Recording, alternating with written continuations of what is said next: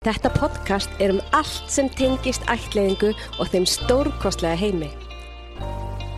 Haldóra Lind Guðlaugsdóttir og maðurinn hennar eiga fjóra stráka en barnegnaferli þeirra hefur verið ansi skrautlegt og sagan þeirra er mögnuð.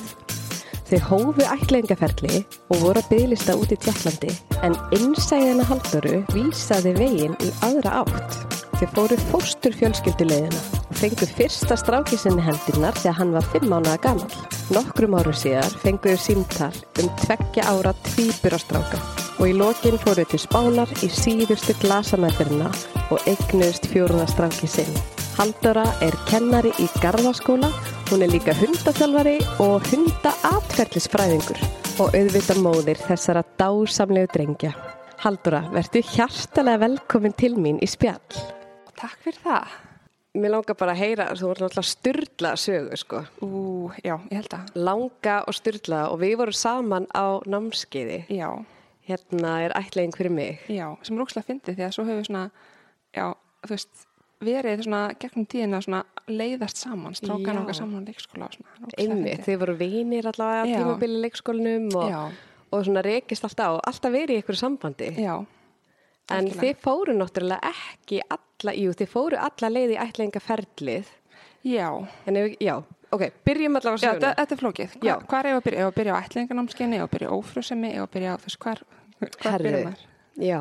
Barnæskunni þegar ég fættist, nei, tjók. Þegar þú fættist, hugsaður að þú ætla að regna spöld, neitjók. Það var eitthvað ógst að fyndi þegar ég var lítil. Mamma sagði alltaf, sko, hún var að reyfi upp með mér. Sagði, svo skrítið með þig. Þú sagðir aldrei að þú myndir, þú veist, þú sagðir aldrei að þú myndir ætla, þú veist, þú myndir ætla bönnin, en ekki, þetta er svo skrítið og svo, svo gerður það, svona eiginlega. Já. alveg, já, góð. Ég man eftir því, en ég var samt ekkert að pæla í því, skilur þá. En bara þegar ég var lítil, ég bara, ég er ekki að fara að eignast bönn þannig, sko, ég er að fara að ætla bönn, veist. Vá. Ótrúlega skrítið, bara pín lítil eitthvað bara. Það stundum mig sem að svona, að það sé eitthvað svona maður veit í eitthvað. undir meðvitundinni. Ég var með svona í undirmeðundin minni, Ótrúlega var úlingur, eða svona átján þegar nýbyrðu saman og ég bara vissi þetta. Ég bara, Já. við getum mörg líka einhvers börn, við, að, við munum ætlaði bad, skilu. Og voru bara fulla djama og eitthvað. Og svo bara gerist lífið og maður náttúrulega setur þetta bara til hliðar og bara prófar allt einhvern veginn. Svo bara þetta kemur, það bara, já, alveg rétt. einmitt. Og það var líka svo skrítið, maður bara, ó, ég er ófrjó. Ok, næsta dagskrá, eða þú veist, ég veit ekki. Það var einhvern veginn svona, veit ekki, af því að sumir einhvern veginn þurfa svona að sætta sig við, veist, og vinna úr því eitthvað. En svo er sumir sem eru bara, já, já, ég er til í þetta. Já, Og ég veit líka alveg um fólk sem að hefur bara farið beint tangað og ekki eins og reynd, nákvæmlega, vilja bara fara ætlaðingalegin eða fóstur já, fjölskyldulegin. já, þeim finnst þau bara, já, það bara passa þeim. Þannig að ég, mér fannst það svolítið með okkur að þetta var eitthvað einn bara, Passaði ykkur vel. já, já, algjörlega. Þannig að Ok. samt ég alltaf, mér finnst ótrúlega skrítið að hafa svo ekki enda með að fara erlendis og ætla eitt bann. Þannig að mér finnst það svona bara alltaf innu, bara, hm, já, það er ok. nefnilega skrítið. Ég hérna, Mér finnst ég að mista af því pínlítið en er samt Já. ótrúlega ána með það sem ég er með ótrúlega ána með leiðina sem fór en ég er svona, mér finnst ég með meðvitu af því ofta er fólk sem að eignast ekki börn á hana venjulega áttin að mér finnst þau svona kannski meðvitum að þau hafa mistað ykkur eða ég veit ekki já, en mér finnst ég svona ótrúlega meðvituð ah, ég mista þessu, nú er ég ekki að fara að gera þetta já, ótrúlega skrítið já, það er það. þannig hérna Já. Já, hvernig eigum að byrja þetta? Eigum að byrja bara þegar þið, þú veist, eh, þið voru frekar ung þegar ákveða að byrja eitthvað spöld. já, Byrjuðu ung saman og já, allt það. já, og það er veru, sko eh, við vorum búin að vera saman kannski frekar stutt og þá fæ ég utanlegsfóstur Já. og það sérst er fóstrið í eggjaleiðaran Mm. Og það var sérst bara eiginlega bara svona óvart. Og við vorum ekkert að pæla í þessu og þú veist og svo er ég ógislega verkjuð og við skiljum ekkert af hverju það er og, og svo kemur ljósa sérst að ég er með utanlegsfóstur Hvað varstu gömul? ég var þá tvítug. Vá, bara baby. Já, bara baby. Og hérna og það þurfti að þú veist fjarlæga sérst utanlegsfóstrið og þetta var allt ótrúlega leiðilegt og við vorum ótrúlega sorgmætt og þá fórum við þetta þú veist mun ég geta átt börn og, og þetta allt einhvern veginn. Mhm. þannig að hérna og ég var einmitt við yngvar alveg bara já þú voru bara að skila mér, ég er bara ónýtt og, og hann núkslega sætur eitthvað bara, veistu það að ég vil frekar eiga engin börn með þér heldur en eiga börn með einhver annari. Og ég bara eitthvað, Ó. þú veist en svo var ég samt alltaf bara, ég er ómulega þú voru bara að skila mér og hann var svo sætur þá fór hann og keipti trúlónaring og við náttúrulega trúlóðum okkur ógislega snemma líka og giftum okkur mjög snemma og veist, þannig hann, já Við erum sætast að pari heimi, sko. en samt voru allir að í kringum okkur eitthvað bara er þið ekki svolítið ung Já, og við voru ógeðslega jú, ung. vorum, það, þú veist, ég sé það eftir á Já. ég sé, sá, eða, þú veist, fannst mér það fannst ekki? það ekki þá nei, og náttúrulega við hugsaðum það náttúrulega ok, ég er ennþá með einn ein ekkjulegra Já, hinn var tekin já, hann já. Og þú veist, við vorum ennþá með ekkjulegra við, segi ég, eins og við sem er sömur já, ok, að, þú veist, hann talar alltaf um þú veist, við erum ófrjó, eða, þú veist, við erum að ganga gegn ófrjó sem er saman Já, sem að er bara sem þannig. par, Já. þú veist, það skiptir ekkert máli hvað er að hverjum og þú veist þetta og hann var eitthvað svo sætur og eitthvað svo að ég veit ekki, við vorum eitthvað svo ung og hann var samt eitthvað svo fullorðins með þetta Rosalega. Þetta er rosa hérna- þroska viðhorf. Já, þannig að hérna en við sérst, hérna, hugsaðum alveg bara ok, við erum ógæslega stressuð yfir þessu. Ef það ekki bara eignast einn krakka bara svona snöggvast? Bara til þess að hætta að pæla í þessu. Einmitt. bara svona sem maður gerir. Ég fæ bara hókuð, tvítu. Já, gera það bara. Já, og þá var náttúrulega, þú veist, hérna, já, þá var ég svo stórinn, hvað, 21 og það gekk ekki neitt, það gekk ekki neitt. Og ég veist, jú, jú, ég var eitthvað ólétt og misti og við vissum ekki, þú veist, það ekki að leiðum að tekinn sérst í annarskipti, eftir að verða ólétt í annarskipti, sérst, þau reyn, reyna eitthvað að gera við þetta fyrsta því að ég var svo ung. Já. og svo er hann tekinn hann já, eftir þetta gerist í annarskipti og, og já, þetta bara gekk ekki eins vel og ég held, ég hugsa bara, þú veist, en svo hugsa ég náttúrulega bara, já, svona freka bjart sín, ég er ok, þú veist, þetta er ekki leira vandamál. Ég meina, halló, hvað ár er? Ég, hvað ár var? Þetta er okkur sem 2009, 2009, 2009, já, 2009 held ég, já. Þú veist, maður fer fram hjá ekki leirun, ég meina, come on, þetta er ekkert mál, maður fyrir glasa, skilur, Já. ekkert mál. Og fyrir mér, bara ekkert mál, bara glasa, skilur, ekkert mál. Vá. Og við fórum hann í artmedika sem var þá og 21 árs. 21 ás og hún náttúrulega bara hvaða smábönn komin Þetta er þetta glasabönd lappandi inn inn eða?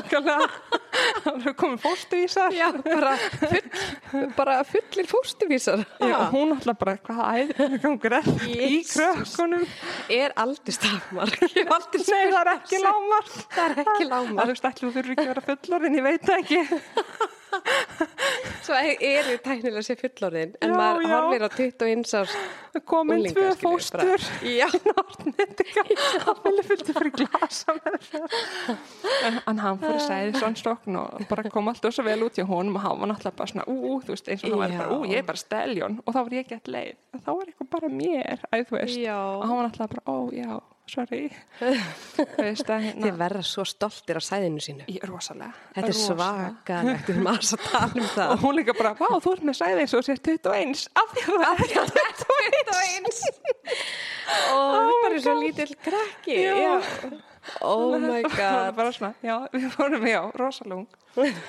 en giftum okkur svo 22 af því við vorum náttúrulega strax farin að hugsa svo mörg skref fram í tíman. Við vorum alltaf á heimasíðinu hjá hérna íslenskrætlingu og vorum búin að reikna út hvað þetta er að vera giftur langan tíma og vera saman lengi. En við ákveðum bara, herru, við giftum okkur þá bara. Og allir náttúrulega kringum okkur bara, fyrstu gjörði ekki svolítið snemt.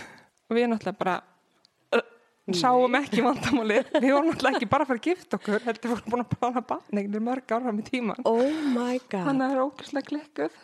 Það er rosa óvanalegt. Já, ég held svona það. ungt fólk. En svo, Ég er bara svona, mér fann, ég vissi að ég var ung sko þegar við hittumst. já, Ég var lang yngst. ég voru, sko, þegar ég var á ætlingarnámskjönu, ég var of ung til að mega ætla það. Þú varst of ung til Ég að mega ekki, ég var ætla. ekki búin að eiga 25 ára ammali. Nei. En, en það var samt að styttist í það. Já. Þannig að það var þannig aðeins hérna, er að 25 ára. Dyrka hvað eru svona, þið bara já, við ætlum að gera þetta og svo fóruð þið líka bara alla leið. Já, já, en svo eru náttúrulega líka sko bæði rosalega kvatvis. Mjög, já. Þannig ef annað okkur fær ykkur hugmynd, þá er hitt bara, já, það er frábær hugmynd.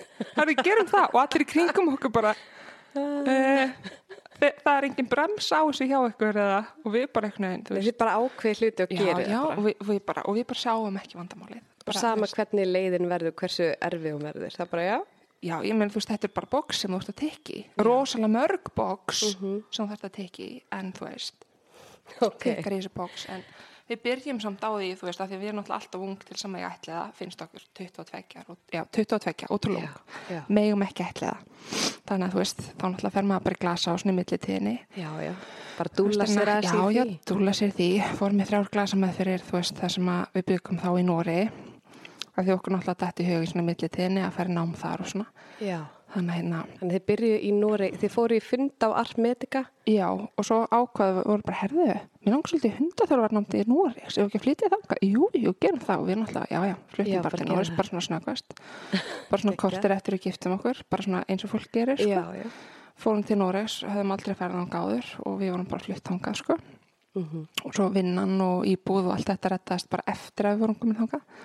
Mm og að ég meina það rettaðist, sko Já, það rettast allt. Þetta er svona það íslenska hugafæri. Já, já, já.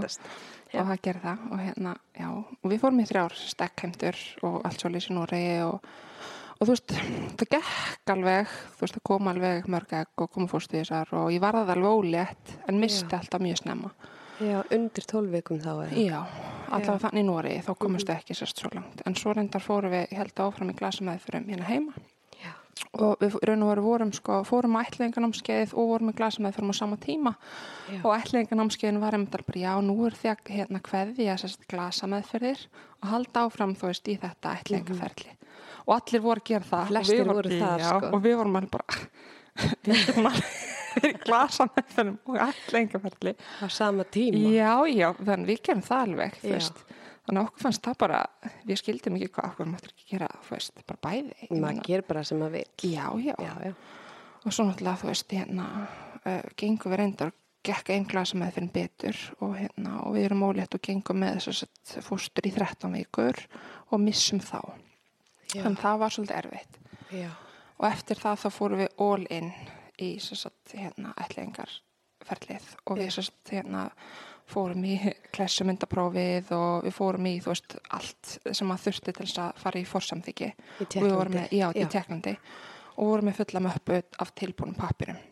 Já. Og klessumyndaprófið, þú veist, við þurfum að fara til Akureyrar. Einmitt. Þú veist, þannig að þetta var alveg, þú veist, svolítið vesen að gera Mhm. þetta og hérna, og ég var búin að googla klessumyndapróf, hvað maður mátti sjá og hvað maður mátti ekki sjá. Ha. Já, já, af því ég ætlaði ekki að falla á prófinu. Það er sá- hægt að falla prófunu. Ég, ég sko allavega, þegar ég googlaði, þá var ekki heppilegt að sjá til dæmis eitthvað kynferðislegt. Nú. Og þegar ég mætti klessumyndaprófið, að þá sá ég bara leg og eggjastokka veit það, og ég var bara, ég ætla ekki að segja það. Og ég var ekki bara, mm, ég þetta fyririldi. En það, jú, jú Sko- ég náttúrulega bara, og svo kom yngvar eitthvað, hann var náttúrulega sér, ekki mér, hann, og ég, við vorum svona eitthvað að tala um hvað við sáum. Mhm. Hann bara, já, ég sagði að þetta veri eitthvað dvergar að skýta, ég bara, yngvar, ég bara, það er því, ef við fáum ekki bann, þá er það þér að kenna. Að þið sást verka að skýta. Þú veist, hann sá okkur, svo svona, svo svona, já, ég sá, ég sá engil döiðan, svo eitthvað, ég leið yngvar. Þú ert búin að klúða í prófinu. Þannig að hann sá engil döiðans og ég sá kannski hérna ekki stokka á leg en sagði fyrir Þú lögst. Þannig þú lögst um persónleikaðinn. Að þið er bara svona, En þú ert að- útskýra hvernig þú ert, en þú ert að fyrir ógislega mikið að glasa með þurrum. Þá náttúrulega sér hann bara leg og ekki stokka og ég er náttúrulega bara leg og ekki stokkar ég er það kynningslega þetta er fyrirdi þetta er fyrirdi en svo fekk ég. Meðleg. já, en svo fekk ég. Við fekkum teknisk niðurstunar Ok. og sá hann greinlega alveg í gegnum þetta. Það stóð og við náttúrulega reyndum að því þýða svona lauslega og nota Google Translate. Að ég ætti til í að líta á björtu hliðanar og fegra samleikar hann sá alveg gegnum þetta Þú gast ekki logið. ég er að vá, þetta virkar þetta próf virkar betur en ég held Ok, þetta er bílarslagindi.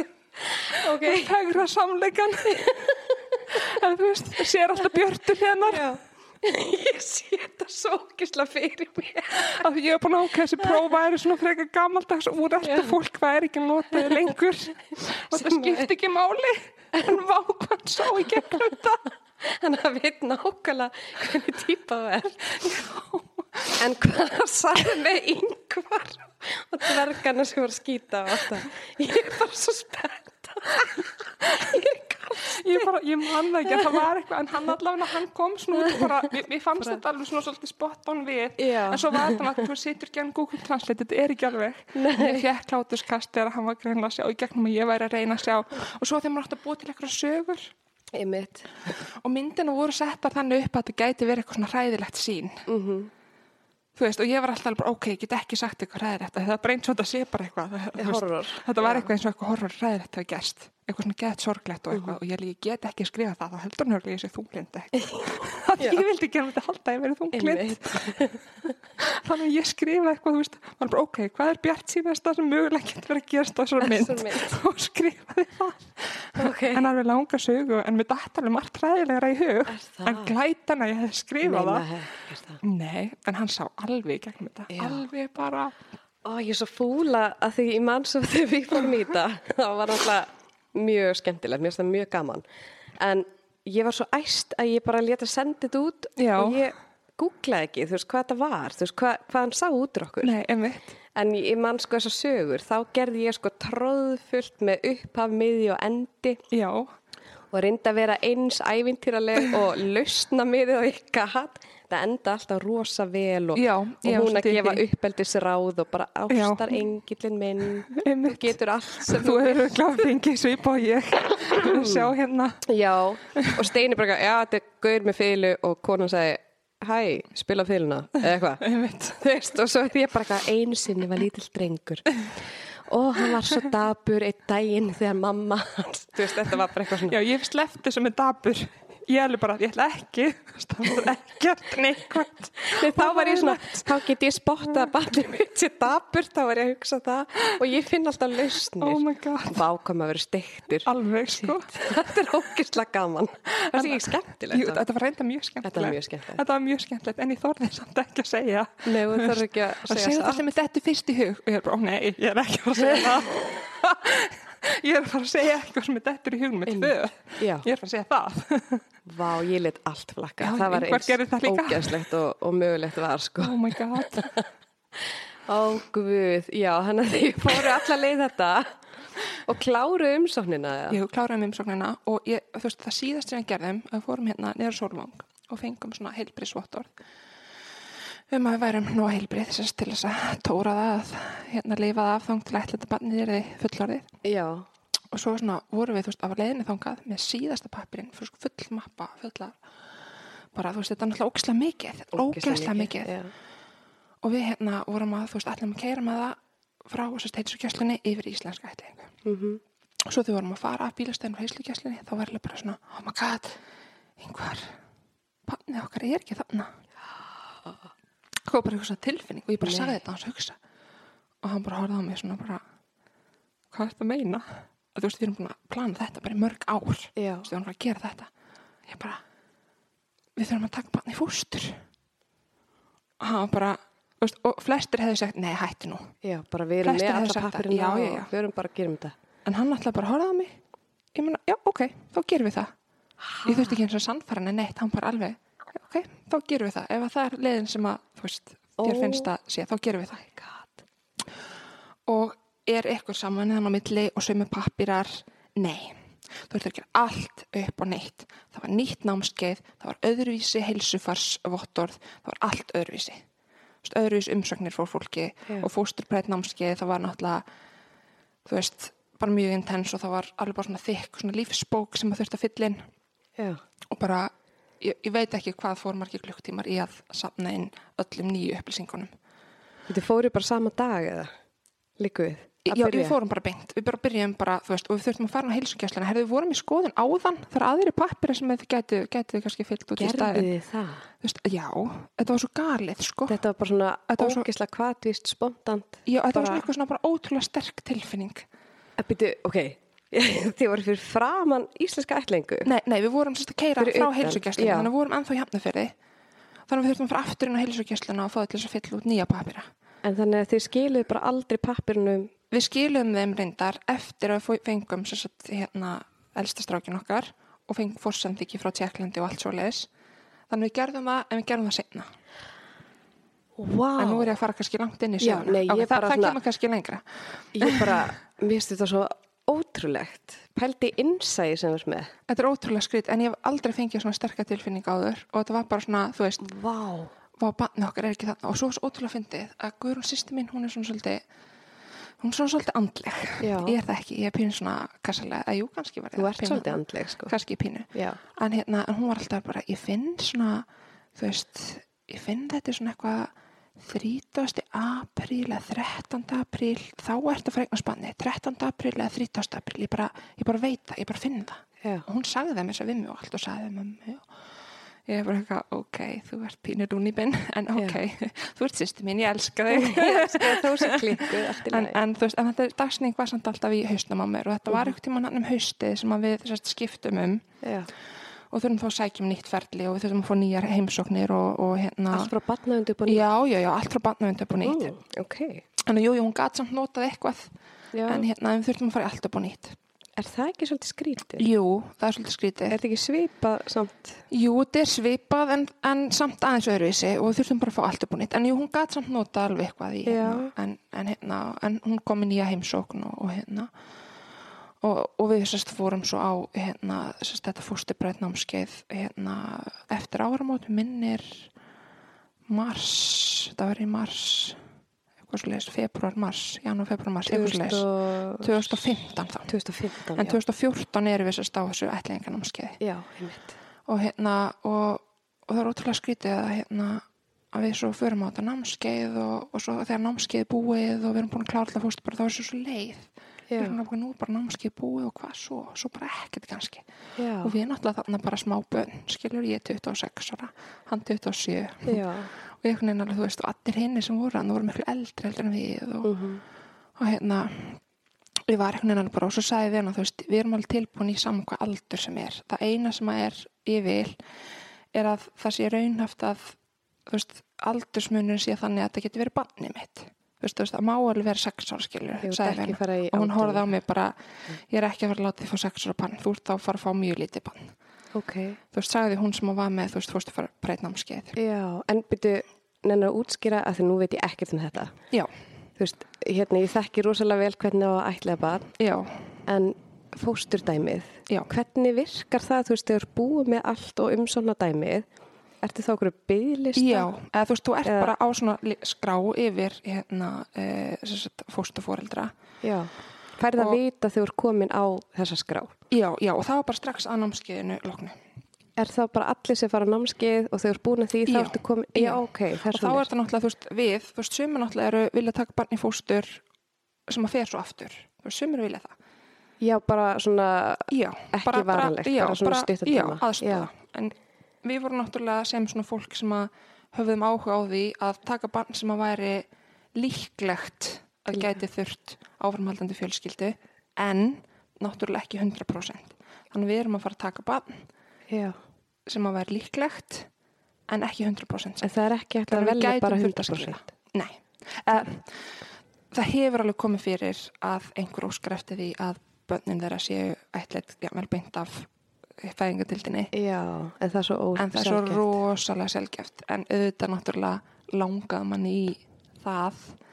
En, Já, en þetta er svona næst, já, næst því að fá þetta, er svona, er svona líklegra Já, ok. að sé hérna.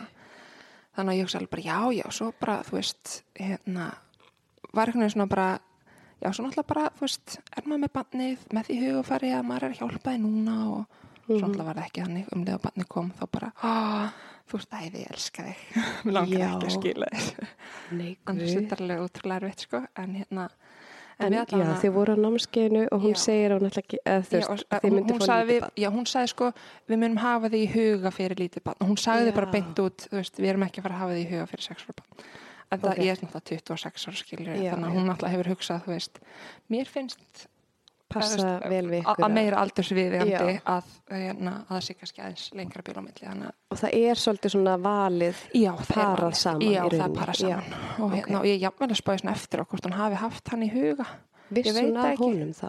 Já, því hann kemur náttúrulega svo st- stuttu eftir þannig að það líður ekki ennum mánir með minnir að síðasti námskeiðstagur hafi verið þrý, veitu, 30. mars með minnir að það hafi verið síðasti námskeiðstagur Já.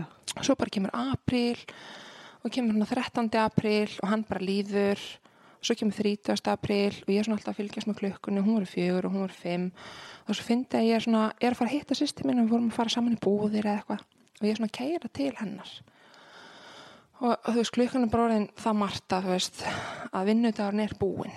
Þannig Mhm. símtali mun ekki koma. Já. Það mun ekki koma símtal. Svo er hringt í mig í bílinum klukkan 5 á leiðin til sýstu minnar einhvern veginn. Og þá sá nefndi að það væri lítill strákur, 5 mánaða sem að vanta henni í mömmu núna. Það væri tímabundið fyrst til 6 mánaða. Og auðvitað gæti það farið svo að hérna, hann gæti þurft að fara tilbaka en hann allavega hann vanta henni núna og, og hérna og hérna og hvort vildi, ekki, vildi ekki koma að hitta þau og svona Oh og hérna, og ég ætla bara, jú, jú og svo þú veist, er ég að kæra til sýstu minnar og ringi yngvar og, og hérna, við mælum okkur móta hitt hann hvort það verður daginn eftir til Mhm. Svo lappa ég eitthvað inn til sýstu minnar og horfa á hana og svona veistu hvað dagur er dag, sagði hann.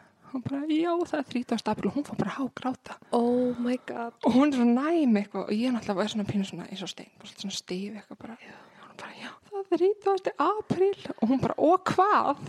Þú veist, þú bara býður frétta og ég segi henni þetta og hún bara, já, ok. Þú veist, þetta er bandið ykkar og hún bara 100% vissin allan tíman sem hann verið tímabundni fóstri en ekki varanlegu, þá var hún bara 100% viss þetta verið barnið að þetta er bandið ykkar hann Oh í varanlegt fóstur bara 100% viss, það var bara aldrei neitt efasemdar Vá. fræ hjá henni Ég er með sko, það er ströymur um allir líka maður. þetta var alveg Þetta bara er magnað. ótrúlega skrítið og þetta er svo skrítið Oh að, ég að ég er ekki þarna Nei, hún var svo er sannferð. Mér Var finnst þú vera svolítið meira þarna heldur þú heldur. ég, ég held að ég hefði kannski fæ- færst meira þangað Af því þetta var bara alveg akkurat, sko. já, og svo svo fyndið þannig að tímabilið Vá. þar sem að ég hætti við að fara með umsóknina Já. hann er að fæðast þarna um það leiti Nei. þannig að þetta er allt svolítið svona veist, þá er Þá- hún há ólétt af honum greinilega Oh þú veist, og hann er til skilur, hún er ólétt af honum sérst kynmóður hans Og þú bara fannst er þetta er til. barnið þitt. og, og ég bara einhvern veginn, þetta er svo skrítið að því að við ætliðum,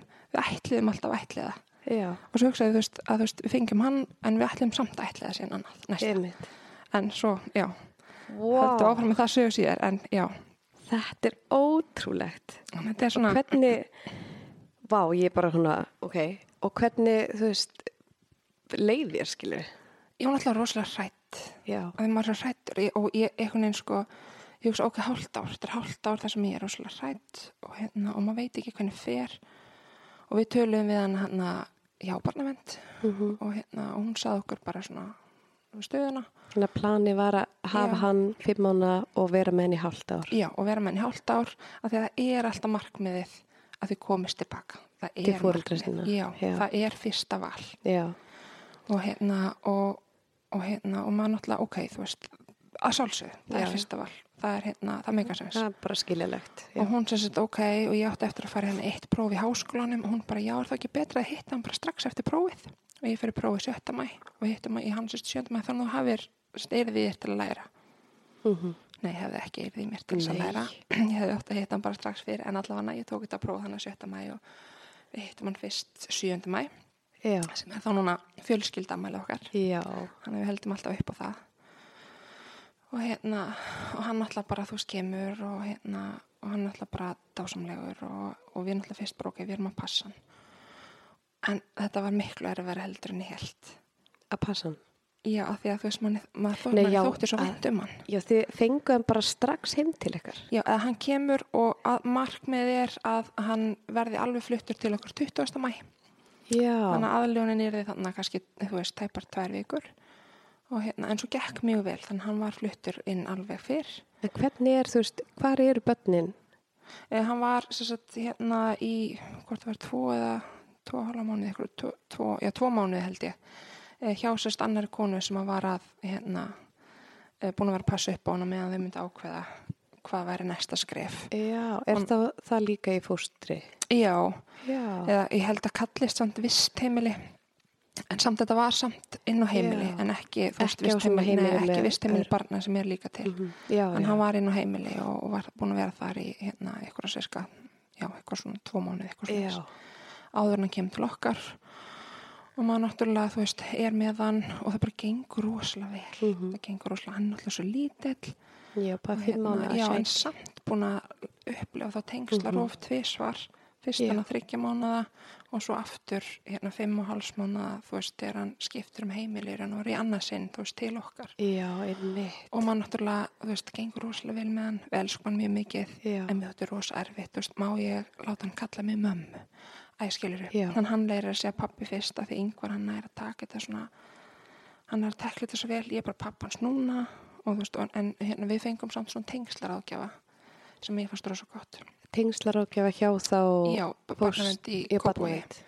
En það var svo ekki í bóði hérna þegar við fengum týpurna svo setna. Þannig En að það er- mismunandi milli barnavenda veginn hvað er í bóði en mér fannst þetta geggjað Þetta, er þetta ekki bara eitthvað sem á að, þú veist, á að vera bara skilda? mér finnst eitt að vera. Þeir, En var þetta skilda eða óskuð eftir? e, Manstu ég það? man Ég það ekki, ekki, en tengslar ekki, hann kom samt frekar seint inn. Við vorum búin að vera með hann, þegar hann kemur, Já. þá verður bara með hann.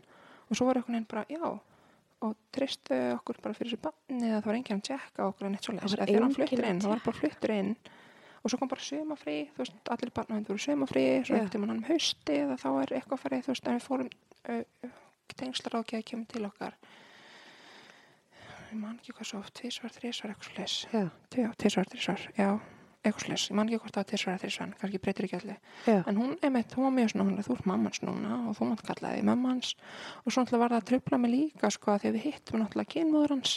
Mhm. líka, það er mjög vel við hana og okkur þið pittu hana Já, bara hana í... já, bara í umgengni og svona. Já, og bara kunnum ótrúlega vel við hana.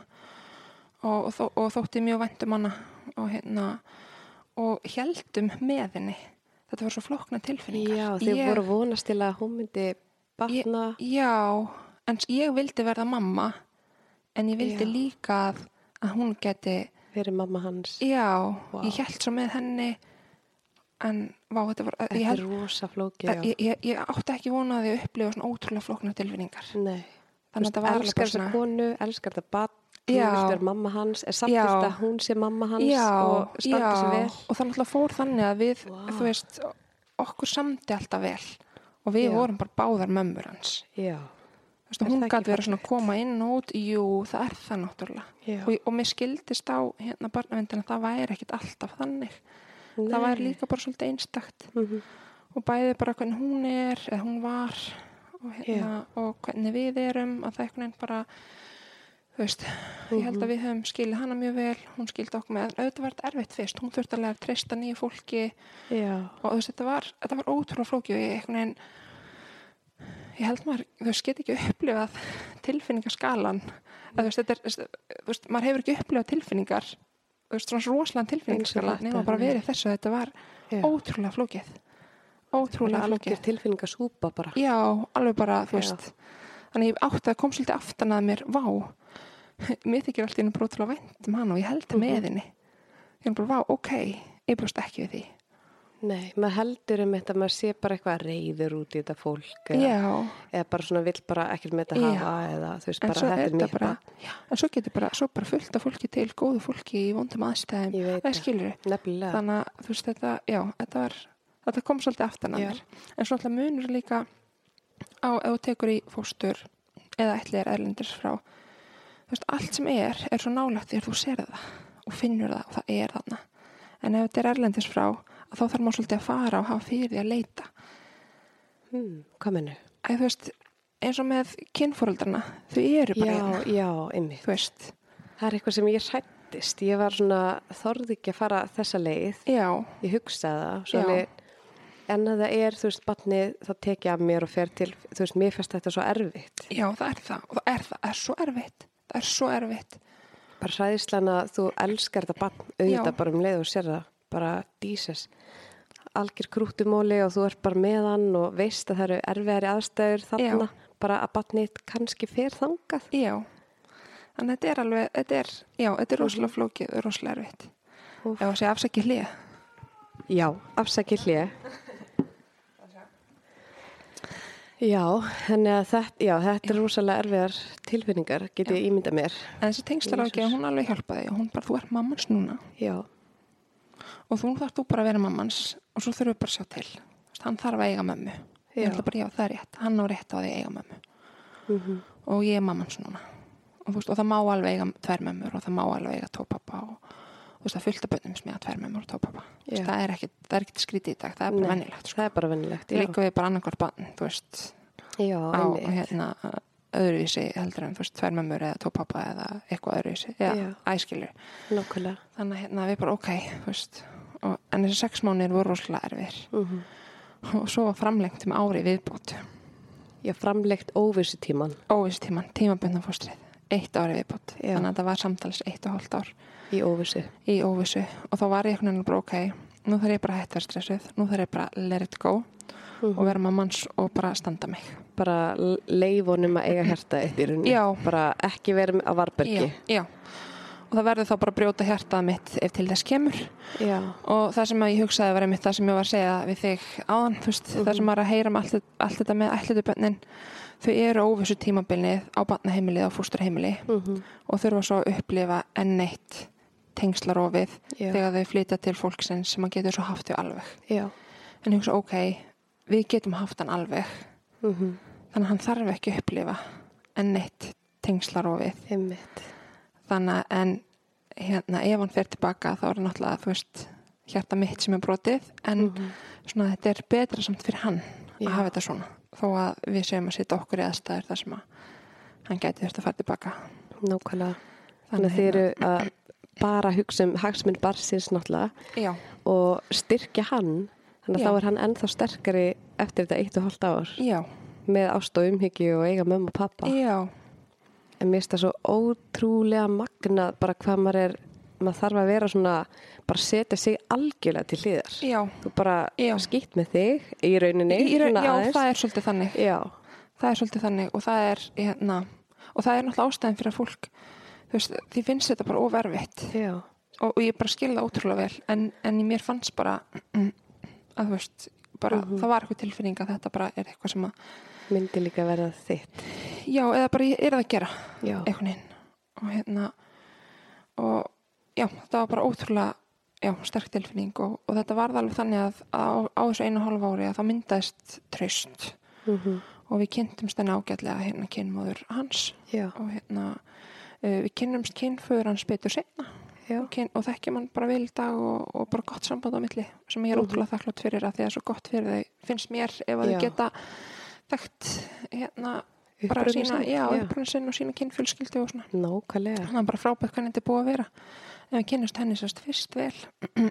Og þetta fer aldrei fyrir henni á domstóla eða neitt svo leis Nei, því að þau bæði ákveða sjálf að hérna, það sé best fyrir hann að vera hjá okkur. Og mér það alveg bara svona þetta er svo stórt traust rosalega, já. þannig hérna við erum svo þakklátt fyrir bara, vá, ok Þannig að það var engin barátta og ekkert vesen. Þau bara, og þau líka í rauninni voru já. ósjálfselsk. rosalega Þau bara, þú veist, Rosalega. sáu hann, já, það er líka bara þú veist það stærsta sem getur gert fyrir barnið ef þetta er ekki ganga að ákveðið mitt alveg bara ok Mhm. þú veist, ég vil að barnið mitt fái samt að eiga góða fjölskyldi. já, og svo náttúrulega er þetta líka þú veist, þegar samskiptin getur verið svona góð veist að maður hugsa alltaf, en svo náttúrulega getur verið að þau koma svo inn aftur Já, þú veist þannig að þau geta alveg verið partur af hans lífi seinna, einmitt.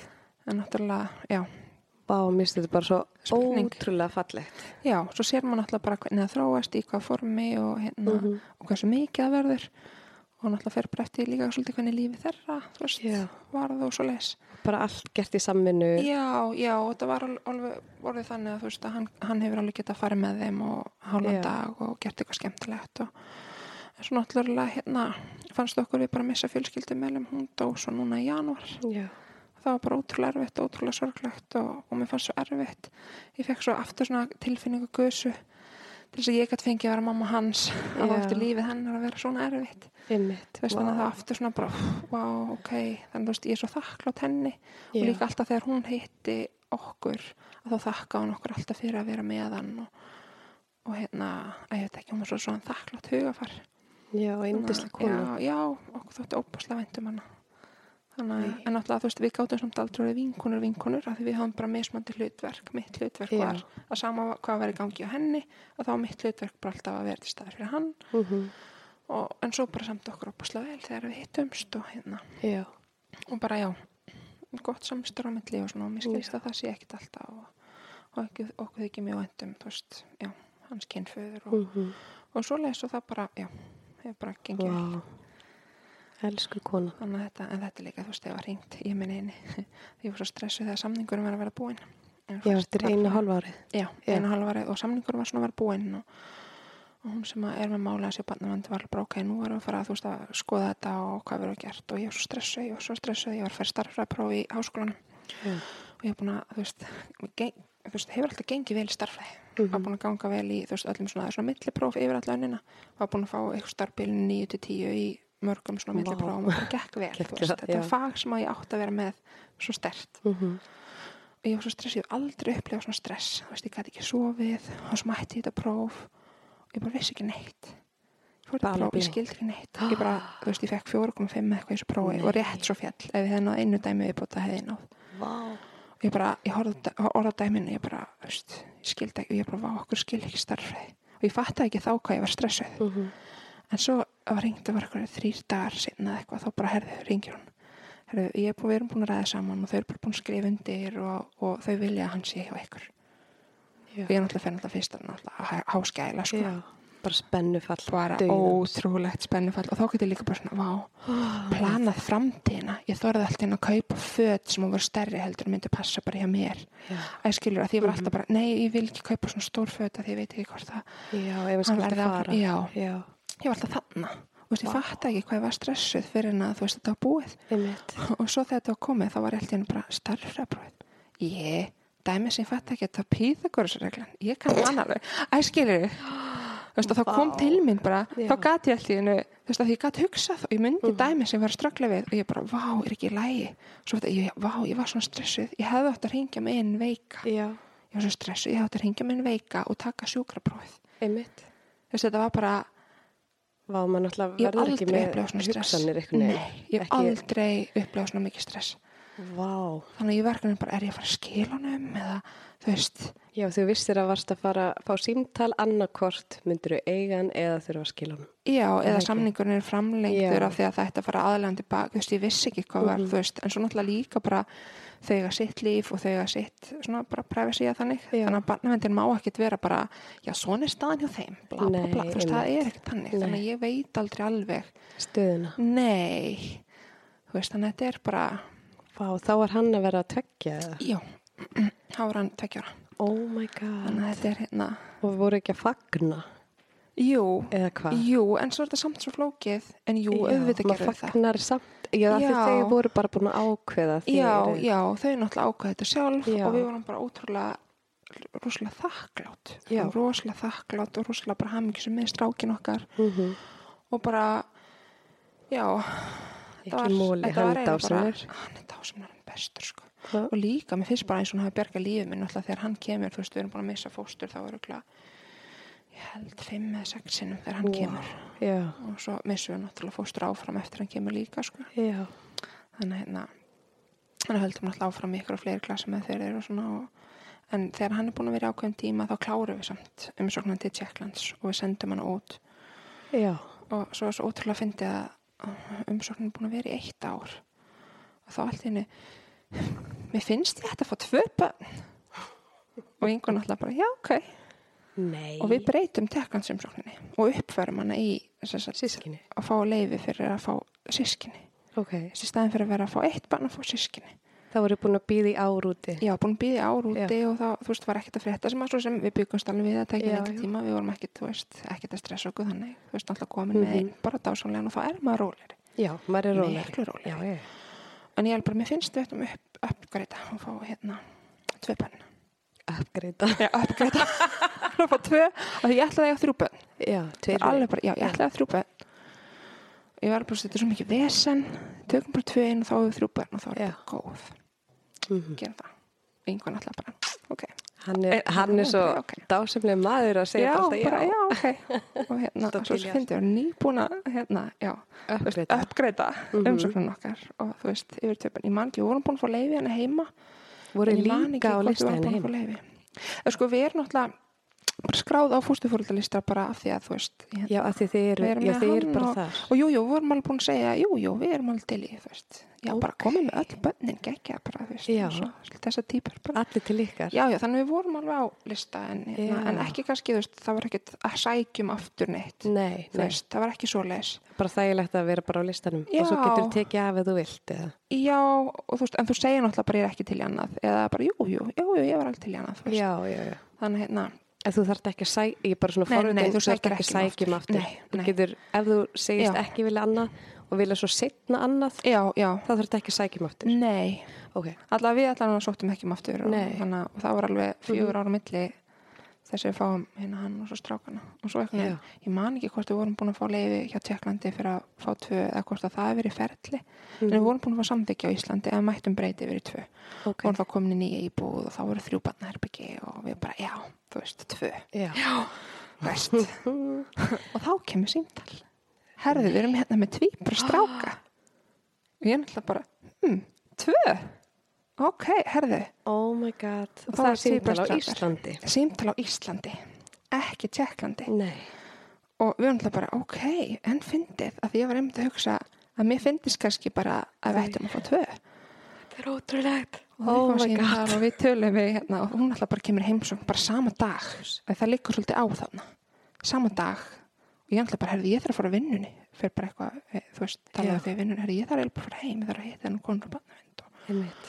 og við hittum hana og við alltaf bara, og hvað, er líklegt að það er komið varlegt og hún alltaf bara alveg pókerfís við vitum það ekki þú veist, hún alltaf bara Mhm. lofar engu lofar engu, þá Má ekki lofað- segja. nei, nei, nei, hún gæti ekkert sagt okkur um þeirra aðstöðn, hún bara má það ekki Nei.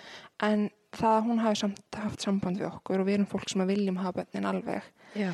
svona gefur vísbendingu um að henni finnist líklegt Já. að þeir þyrtu uh, varanlega fjölskyldu Mm og við hérna einhvern veginn bara ok, jú, við erum til í þetta og þeir þurftu þá bara að flytja inn strax daginn eftir Og þegar hún ringdi, sagði hún hvað eru gamlir? já, þess að bara Tveggja ára.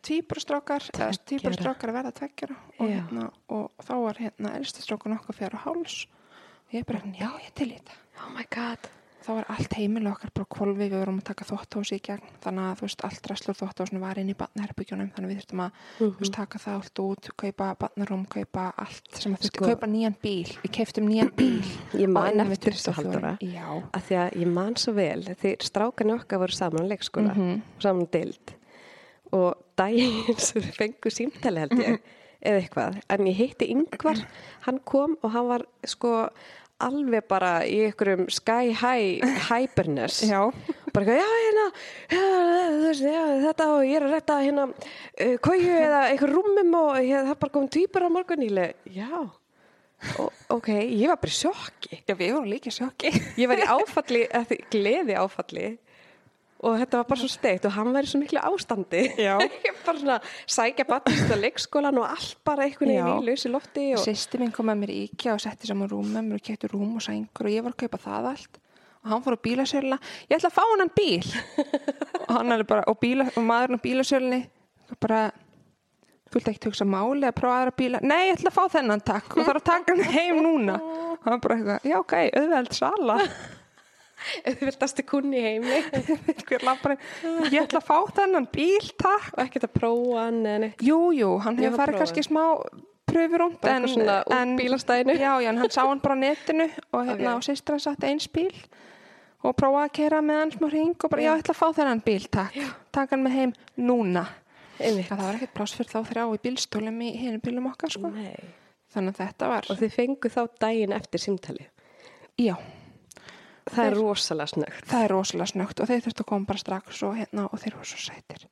Þeir voru með hérna æ, þannig að apin í íkja þannig brúni, þeir voru með þú veist Já, stóra já. sikkvotn í fanginu þegar löpuðu inn. Æ, og þeir voru bara lítið stærri heldur en þessi apabongsi æ, og svo bara einhvern veginn komið inn Já. um kvöldmátaleiti heim til já, heim til okkar. Já. og svo bara fóru þau á barnavend og þeir voru bara komnir þeir voru bara komnir, Vá. þeir voru bara fluttir inn. Það var engin aðlögun. engin aðlögun. Og við vorum bara búin að vita að það voru til í rúman sólaring og við vorum búin að græða herbyggjara, við vorum búin að kaupa bíl við vorum búin að, þú veist, bara þetta var galið. Oh my god. og svo kom með þeim eitthvað, eitthvað svona föt í póka sem náttúrulega bara pössu ekki, voru lítil og þú veist, það var bara ekki, ég, ég var bara eitthvað bara, ég er ekki með einn föt til að setja á í og ég ringdi með mig, ég bara ég er ekki með einn föt til að setja á í það er engin föt ég var ekki búin að hugsa svo langt af því við vorum bara að greiða alltaf stóru hlutina sko. Og mamma og sýsti mín þar fór til búð og kaupa fullt af fötum og kom með póka full af fötum og vinkunum mínar líka, þær kom líka með póka full, full af fötum og ógislega sætar Já.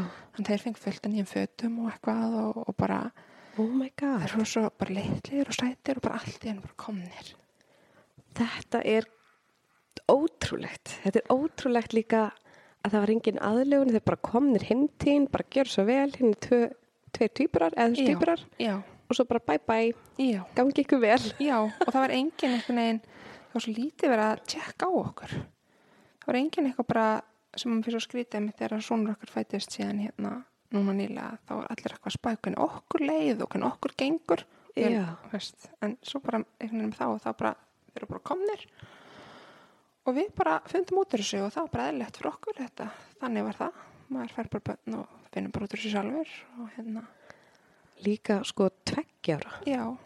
Tveir tveggjára, Já, og það náttúrulega var miklu meira aksjón heldur en þú veist, við fengum hérna Axel. elsta Axel, já. Þú veist, þannig að þegar hann kom bara svona sem lítið bann og hérna, en þannig voru þeir tveir, Oh þeir eru svakalir, ótrúlega duðlir. Já. Við vorum eitthvað með bannarlið, já, svo setjum við bannarlið hérna til að geta afmarkaði íbúðuna þannig geti fylgst vel með þeim og svona. Mhm. Nei, nei, þeir brutu sér í leiði gegnum tvö bannarlið og svona. Svo var ég búin að kaupa sko svona bakvísandi bílstóla Já. Ég allt alveg sem Axel, ég ætla sko að hafa bakvísandi þá til að vera fjagrara og þannig verður það. Þeir náttúrulega í bakvísandi losuðu sér bara. Rosalega svo og svo voru þeir bara, já, já, svo voru þeir bara eitthvað lausir í bílnum og ég náttúrulega bara, ó, þeir geta ekki verið bakvísandi af því þeir þurftu að snúa fram. Þannig ég geti verið að fylgjast með þeim og stoppa það af þeir voru fara að losa sig. Þannig að þeir voru ótrúlega duðlegir Oh ótrúlega duðlegir og náttúrulega bara, þú veist líka, þú veist, þeir eru líka upplega ég náttúrulega veit ekkert hvernig var nei, ég, ég hef ekki hugmynd um það. Jú, maður veit svona eitthvað lítið Já. en samt ég hef enga heilsta mynd um þú Nei. veist hvernig það var, þú veist maður veit eitthvað svona bara pínlítið það sem að þeirra kynmóður hefur sagt okkur og við Mhm. mynd, þú veist, líka bara ótrúlega góð samskipti við hana og, og bara þykir bara mjög vænt um hana líka en Já. þekkjum kynföður þeirra í rauninni ekki neitt þannig að við vitum í rauninni ekkert hvernig er þar en Nei. hún ætla hana, já bara þykir mjög vænt um hana og eigum Mhm. mjög góð samskipti við hana, finnst okkur Já, geggjað. og, hérna, og þeir eru líka í tímabundni í eitt og halvt ár og hún ákveður líka að þú veist það fer ekki sem sagt, ekki til dómstóla en eitt og þetta er ekkert í ykkur illu, þetta er allt í góðu Er það? og ég held að þú veist að það er ekki, það er ekki alltaf þannig Vá, þannig þið fengur tvísar svoleiðis. já, fengt tvið svo svo Vá, hvað það er geggjað. Þetta var Það bara skrifað í stjörnum. já, og svo svo fyndið talandi um stjörnunar svo að mamma eitthvað bara hörðu, þeir eru ammálið 13. apríl Nei. ég fekk náttúrulega, ég var löngu búin að gleyma því ég var ekkert að spói því Oh my god. og þá náttúrulega fæ ég alveg hlátuskastíli já, þeir eru ammálið 13. apríl Að því að sýstín var að segja 13. apríl eða 30. apríl. já, svo hún er held sem 30. en mér finnst samt eitthvað 13. Oh en nei, held God. 30. Vá. og þeir eru ammálið 13. apríl og mér finnst það ótrúlega já, það er ótrúlega merkja Þetta er ótrúlegt. en hérna, En En já. gaman. Og þetta var alltaf mjög erfitt hann fyrst og þetta var miklu Já. erfiðara heldur en veist, þeir voru orðin svo stór, þeir voru með miklu meira í bakbúkanum sínum Já, heldur en með Axel. Já, miklu meira í reynslu bakbúkanum það Já. er alltaf svona alls konar og náttúrulega þeir eru að upplifa þú veist, áfall og svona líka og ég man ekkert tíma þá voru að tala við sálfræðing og þú veist, og vorum, þú veist, það var svona eitthvað greiningavinna og svona eitthvað og hún bara, já, hefur hann, þú veist, tala um annan típun að upplifa eitthvað áfall eftir hann kom til ykkar ég er náttúrulega bara, halló, það að flytja til okkar er áfall það er bara rosa stórt áfall að skipta um fjölskyldu það er alveg sama hvað við reynum að hafa allt fínt og flott hjá okkur að skipta um fjölskyldu er bara risa stórt áfall Já. þannig hún bara, já, já, auðvitað Sáfræðingur er ekkert að pæli því. já. um leið og ég sagði það Já, það bara, já, auðvitað. þetta var öruglega svona, já, dö skilur jú, auðvitað það er nefnilega að hérna, ég held að fólk fatti Svakalegt. það ekkert sko.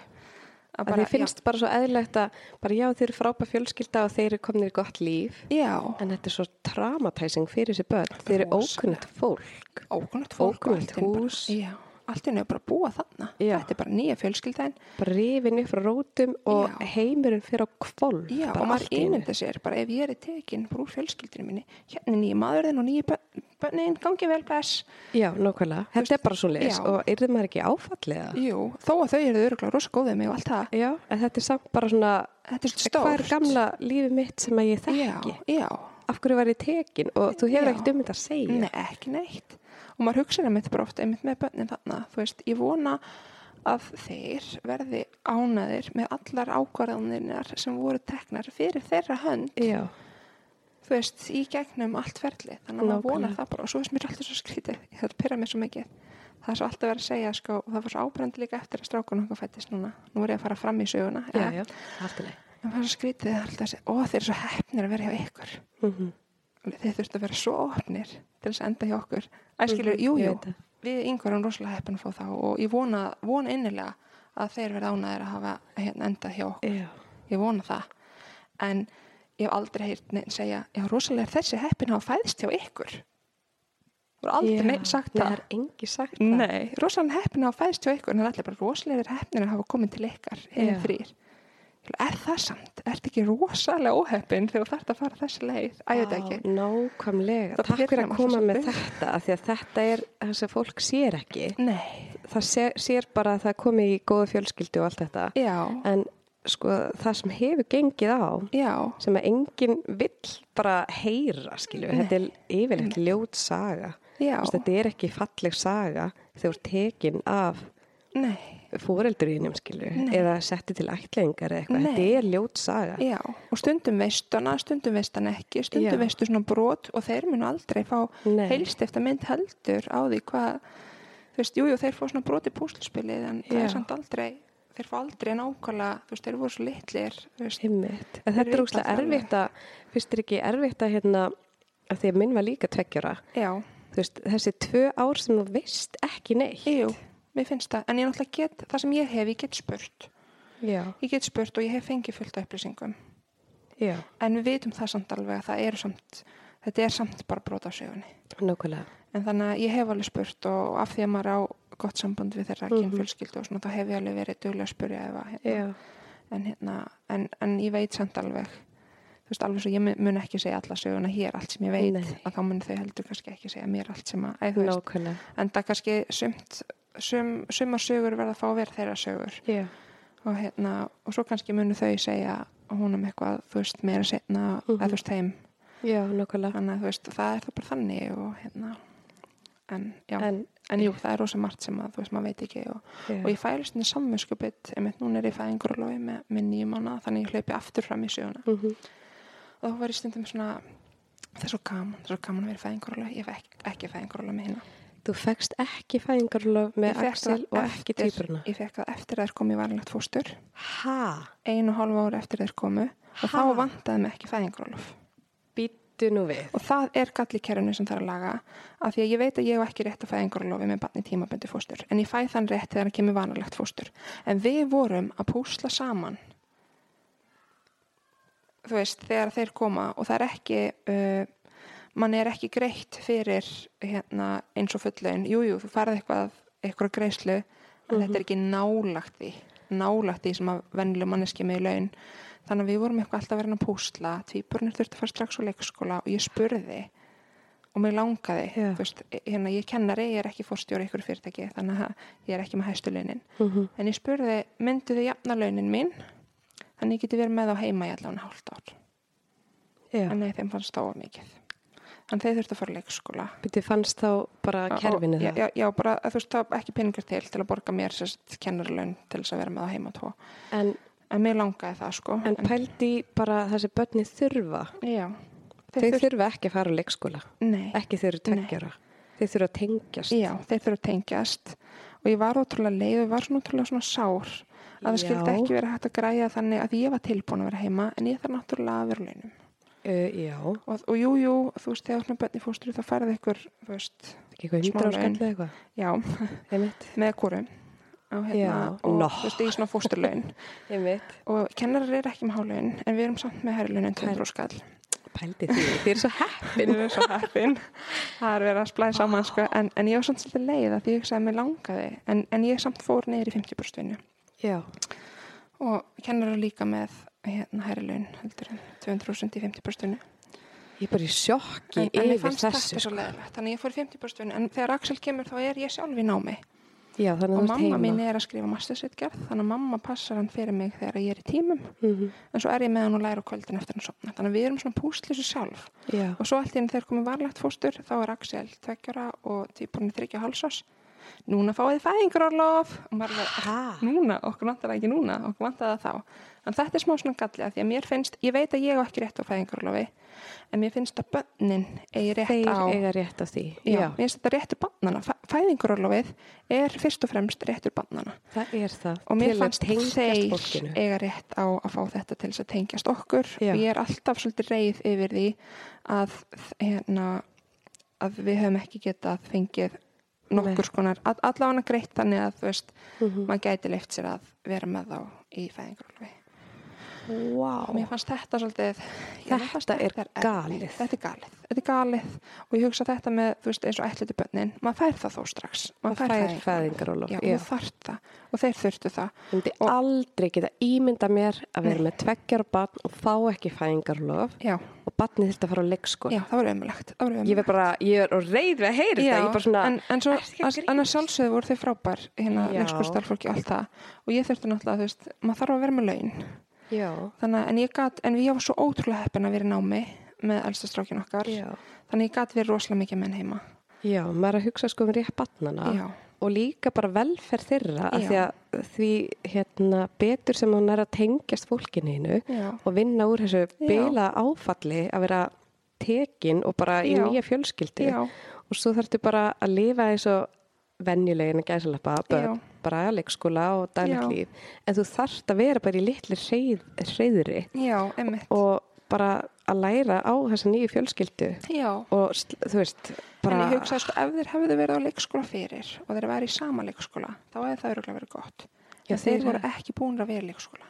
Nei, þannig þeir þurftu að byrja á leikskóla á svipum tíma og þeir koma til okkar. Það er svakalega mikið. Það er rosalega mikið, já. En ég tek Vá. mig frí í vinnunni, ég man ekki eitthvað tvær vikur held ég, til að vera með þeim hérna heima. nú varst í Og svo byrjar orlof í leikskóla. tvær vikur eða frí Já, hann að hérna, Hey, en ég bara pæla sko og fekk náttúrulega bara fekk það bara hjá mínum vinnuveitundum, já, skilja. sem er geggjað Já. það er alltaf betur en ekkert Já, en ég er að hugsa bara sko sorry, ég er eitthvað svona heilin á mér er bara eitthvað að já, springa en svo er ég ekkert með fullkomna lausna á þessu heldur, að ég veit alveg að hérna, þú veist, barnavendunar eru bara mákuð fjármagn og allt svolítið, en mér finnst veit. samt ekki alveg, þetta, þetta, þetta var ekki að virka. Nei, það var ekki að virka. Þeir þurftu svona meira. já, og maður að hugsa svona um framtíðar lausnina þess að fyrirbyggja bara andlega kvilla og bara Mm. velferð barnana sem verður sér fullornir upp á að þetta verði svo skadamingandi Og ég sé alveg sumir eru byrjar þessu og eru Já. betur og hérna. og það þarf náttúrulega en alltaf þetta að bæta vantaði upp á já, ég vona að það fara Já. breytast Og breytist bara jæmt yfir allar óhug því frá hvaða barnavind hérna bönnin koma og, og ég vona að ef þau eru að hlusta á þetta verði ekki eitthvað óra sem móðguð en, en þetta er samt eitthvað sem þarlega. Nei, Og það verður bara að segja það. það bara allan daginn og það er ekki Það hægt að móðgast við erum bara að hugsa Börnin. einmitt. en hérna, ok, tveggjára sætu krútilingar ég man svo vel þegar ég kom í ótrúlega og hvað, ekkert smádulegir og því Og leikt svo sjálfberga. já, Og þú veist, þú voru ekki að um tveggjara, glætti sér föt og allt sjálfur. já, Ótrúlega duglegir. og hvernig var þetta bara fyrstu nóttina eða fyrstu dagana, var þetta ekki sjokk fyrir alla Ró, jú, rosalegt sjokk sko. En þetta var svolítið þannig að við pössum okkur alltaf annað okkar var alltaf með Axel elsta. Já, og hitt svolítið með strák týpurina já, þannig en hérna, hvernig var stemningin á heimilinu? Það var partí. En þeir voru líka sko þeir, þeir voru eins og væru sko, þeir fóru rosalega hátt upp. Já, það var ótrúlega gaman, þeir voru ekkit brjálæri en eitt svoleiðis. Nei, bara í stuði. Veist, þeir voru bara í stuði, í algjöru stuðboltar. En jújú, jú, þeir voru með ákveðna skoðanur hlutunum og verður alveg svolítið reyðir ef að við Mhm. hérna, til dæmis ég mátti ekki skera banana í tvent og rétta þeim sitt hvernig helmingin, þú veist, heilan banana þeir vildu fá allan serióskassan og borða seriós upp úr kassanum fyrir fram sjónvarpið Mhm. ég var náttúrulega við ætlaðum eiginlega að borða venjulegan mat í matborðið þeir bara nei, þeir borðum ekki í matborð tóku diskana svona og köstuðum og ég er farin að segja um þá sögu núna þegar við stókislega fyndi Eða ekki. já, hana Algjör gaurar. algjör gauðra En sko. kannski eitthvað sem voru ekki vanir líka. Allt mögulega. alltaf fylgja fylgta reglum. en ég náttúrulega bara veit það ekki þú ekki. en þeir alltaf voru ekki alveg til þetta Nei. en þeir voru, þú veist, rosalega hressir og rosalega miklu stuðbóltar og bara ótrúlega duglegir og eins og þetta bara geta losa sig úr bílbelti ég bara, hm, hm, geta tvekjar að bönn það Já.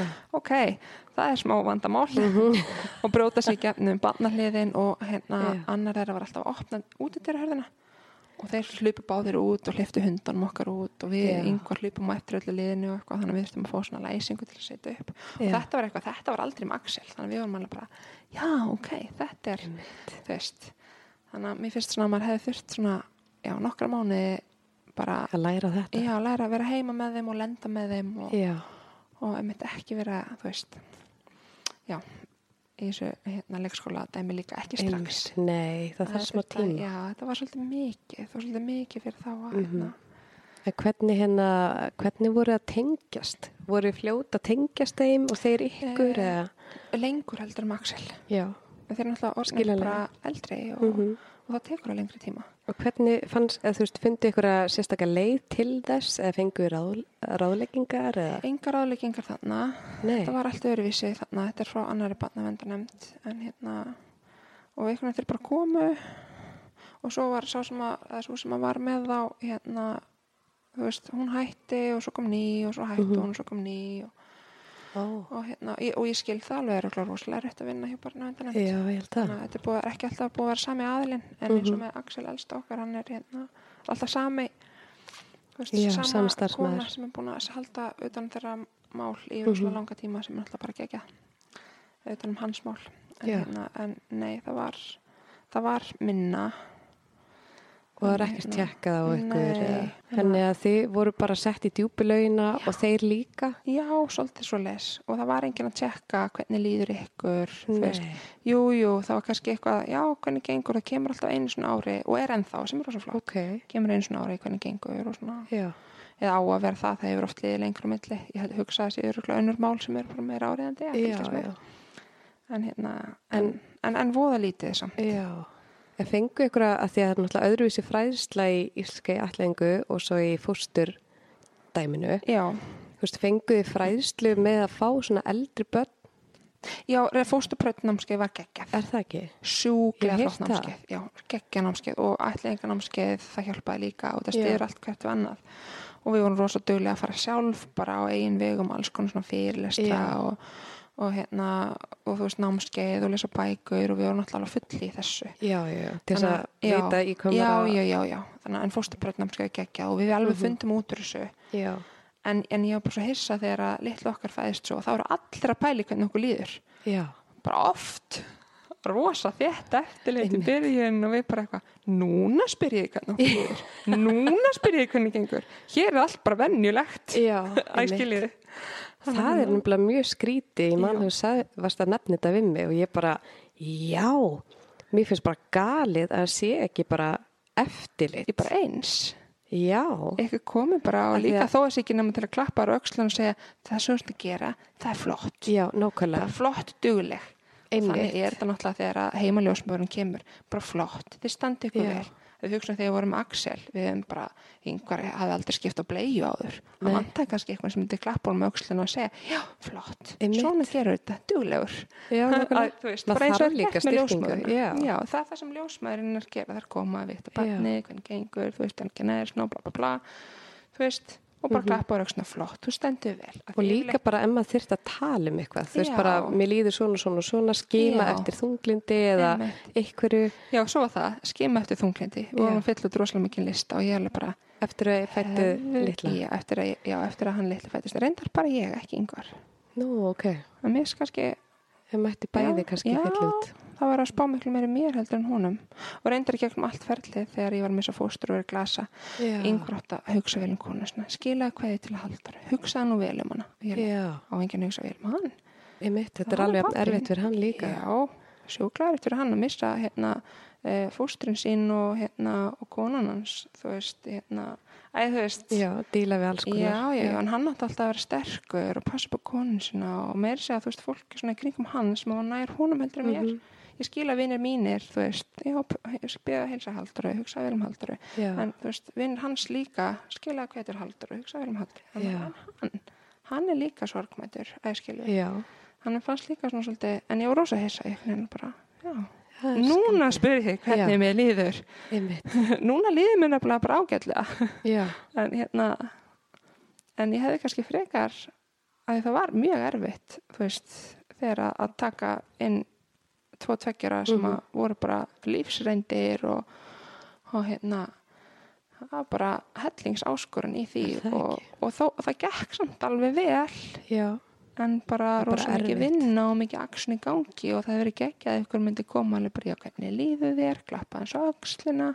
Þú veist, þú stendur vel, þetta er flott. Það skilur, bara nákvæmlega. þetta, þú veist. og vita líka hérna, að þú veist, spekla sig já, eða eitthvað svona, bara tala. já, en ég er samt alveg viss um að ef ég hefði sagt við barnavend er, er ekki eitthvað tengslu og er ekki eitthvað sem ég hætti að koma að tala við, er ekki eitthvað, þú veist? Já, en þau sögur endar þegar ég spurði um þetta hérna, jú, ég spurði þau um hvort þau væri með svona og þau sögðu að þau voru ekki með.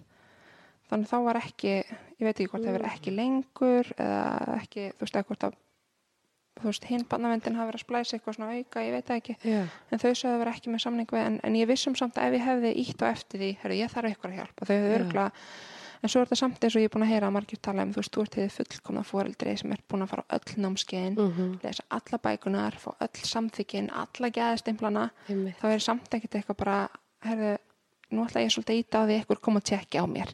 Veist, ég er ekki að fara að bera mig eftir því sjálf svona hart. Jú, ég, ég held ég hafa spurt einu sinni en, en að ég vil heldur ekki þú veist, að því að gekk alveg vel. Já, og við vorum alveg með þetta en hérna en ég hefði viljað fá fæðingur og lof. Mhm, og mér hefði kannski þótt eðlilegt að einhver myndi koma fyrir að bræði og bara hei, er alltaf leið, þú veist. Að þetta er erfitt. já, já, þetta er mjög erfitt, það var samt alltaf leið en þetta var samt Já. mjög erfitt og, veist, og hugsa ef að það hefði verið ef ég hefði fengið eitthvað skonar þunglindi Mhm. eða eitthvað svoleiðis það, það reyndar gerðist ekki en ef það hefði gerst og ég get alveg Mhm. ímyndað mér að það gerist það hlýtur gerast í fólki Já, það er mjög algengt. Já, að þá hefði enginn gripið það eins og, Nei. þú veist, þegar maður fæðir, gengur með og fæðir bönnin sín. Mhm, Nákvæmlega, Þannig að ég er svona, já, það er eitthvað svona þarf að skoða þetta.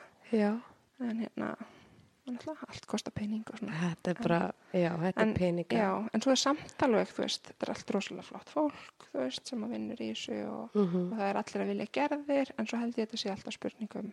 Þetta er bara fjármagni Já, og, og og hljóta, já, ég held að fólk fatti þetta alveg, sko. Já, já. Svo er Hérna- náttúrulega bara að gera sér besta með það sem þau hafa. Maður veit það já, og svo náttúrulega þessi sem, þú veist, þessi sem sjáum málið Mhm, ótrúlega sammála og til ég ger allt og svo fer þetta fyrir ykkur aðra nefnd Já, sem er eitthvað ósynlegt fólk og við veitum ekkert hver eru þeir eru ennþá í varnlega fóstri, þeir eru ekki ætlitir ennþá nú, en hún, hún var búin að skrifa undir eða ekki? jú, jú, varanlegt fóstur en svo er ætling, þú veist, alveg þriðja skrifið og þeim Já, stendur þannig að þeir eru báðir, eða allir þrýr Já. í varilegu fóstri. já, og það er svona næstum því ætling en samt ekki Já. alveg og það er svona nokkur atriði sem e- er munur, þú veist, barnavendin er ennþá þannig að þú veist með að koma í heimsóknu eins og ári og svona sem er reyndar bara, mér finnst það rosalega þú veist að þe- þú veist, börn sem eru sett í fóstur það þarf alltaf að vera 100% leið Já. þeir geta ekki lendi í ykkur aftur, þú veist það þarf að passa upp á það er rosa geggjað, ánægð með það, já. geggjað, já, mjög ánægð með það. En hérna Að tala þið þá líka við börnin í sér ykkur lægi, hvernig fara svona heimsóni nei, fram? þau koma bara í heimsókn Í spjall. og, já, en jú, jú, þau tala alveg við börnin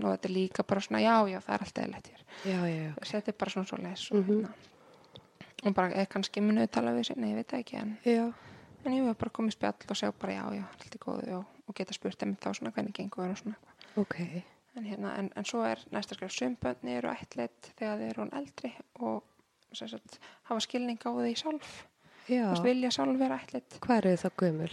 eh, það er kannski svona kannski upp úr ég ekki 13-14 ára og eldri að þess vegna alveg fram á fullansaldur sko. Þetta er líka spurningum sko, þú ferð ekki laglega en er það rétt?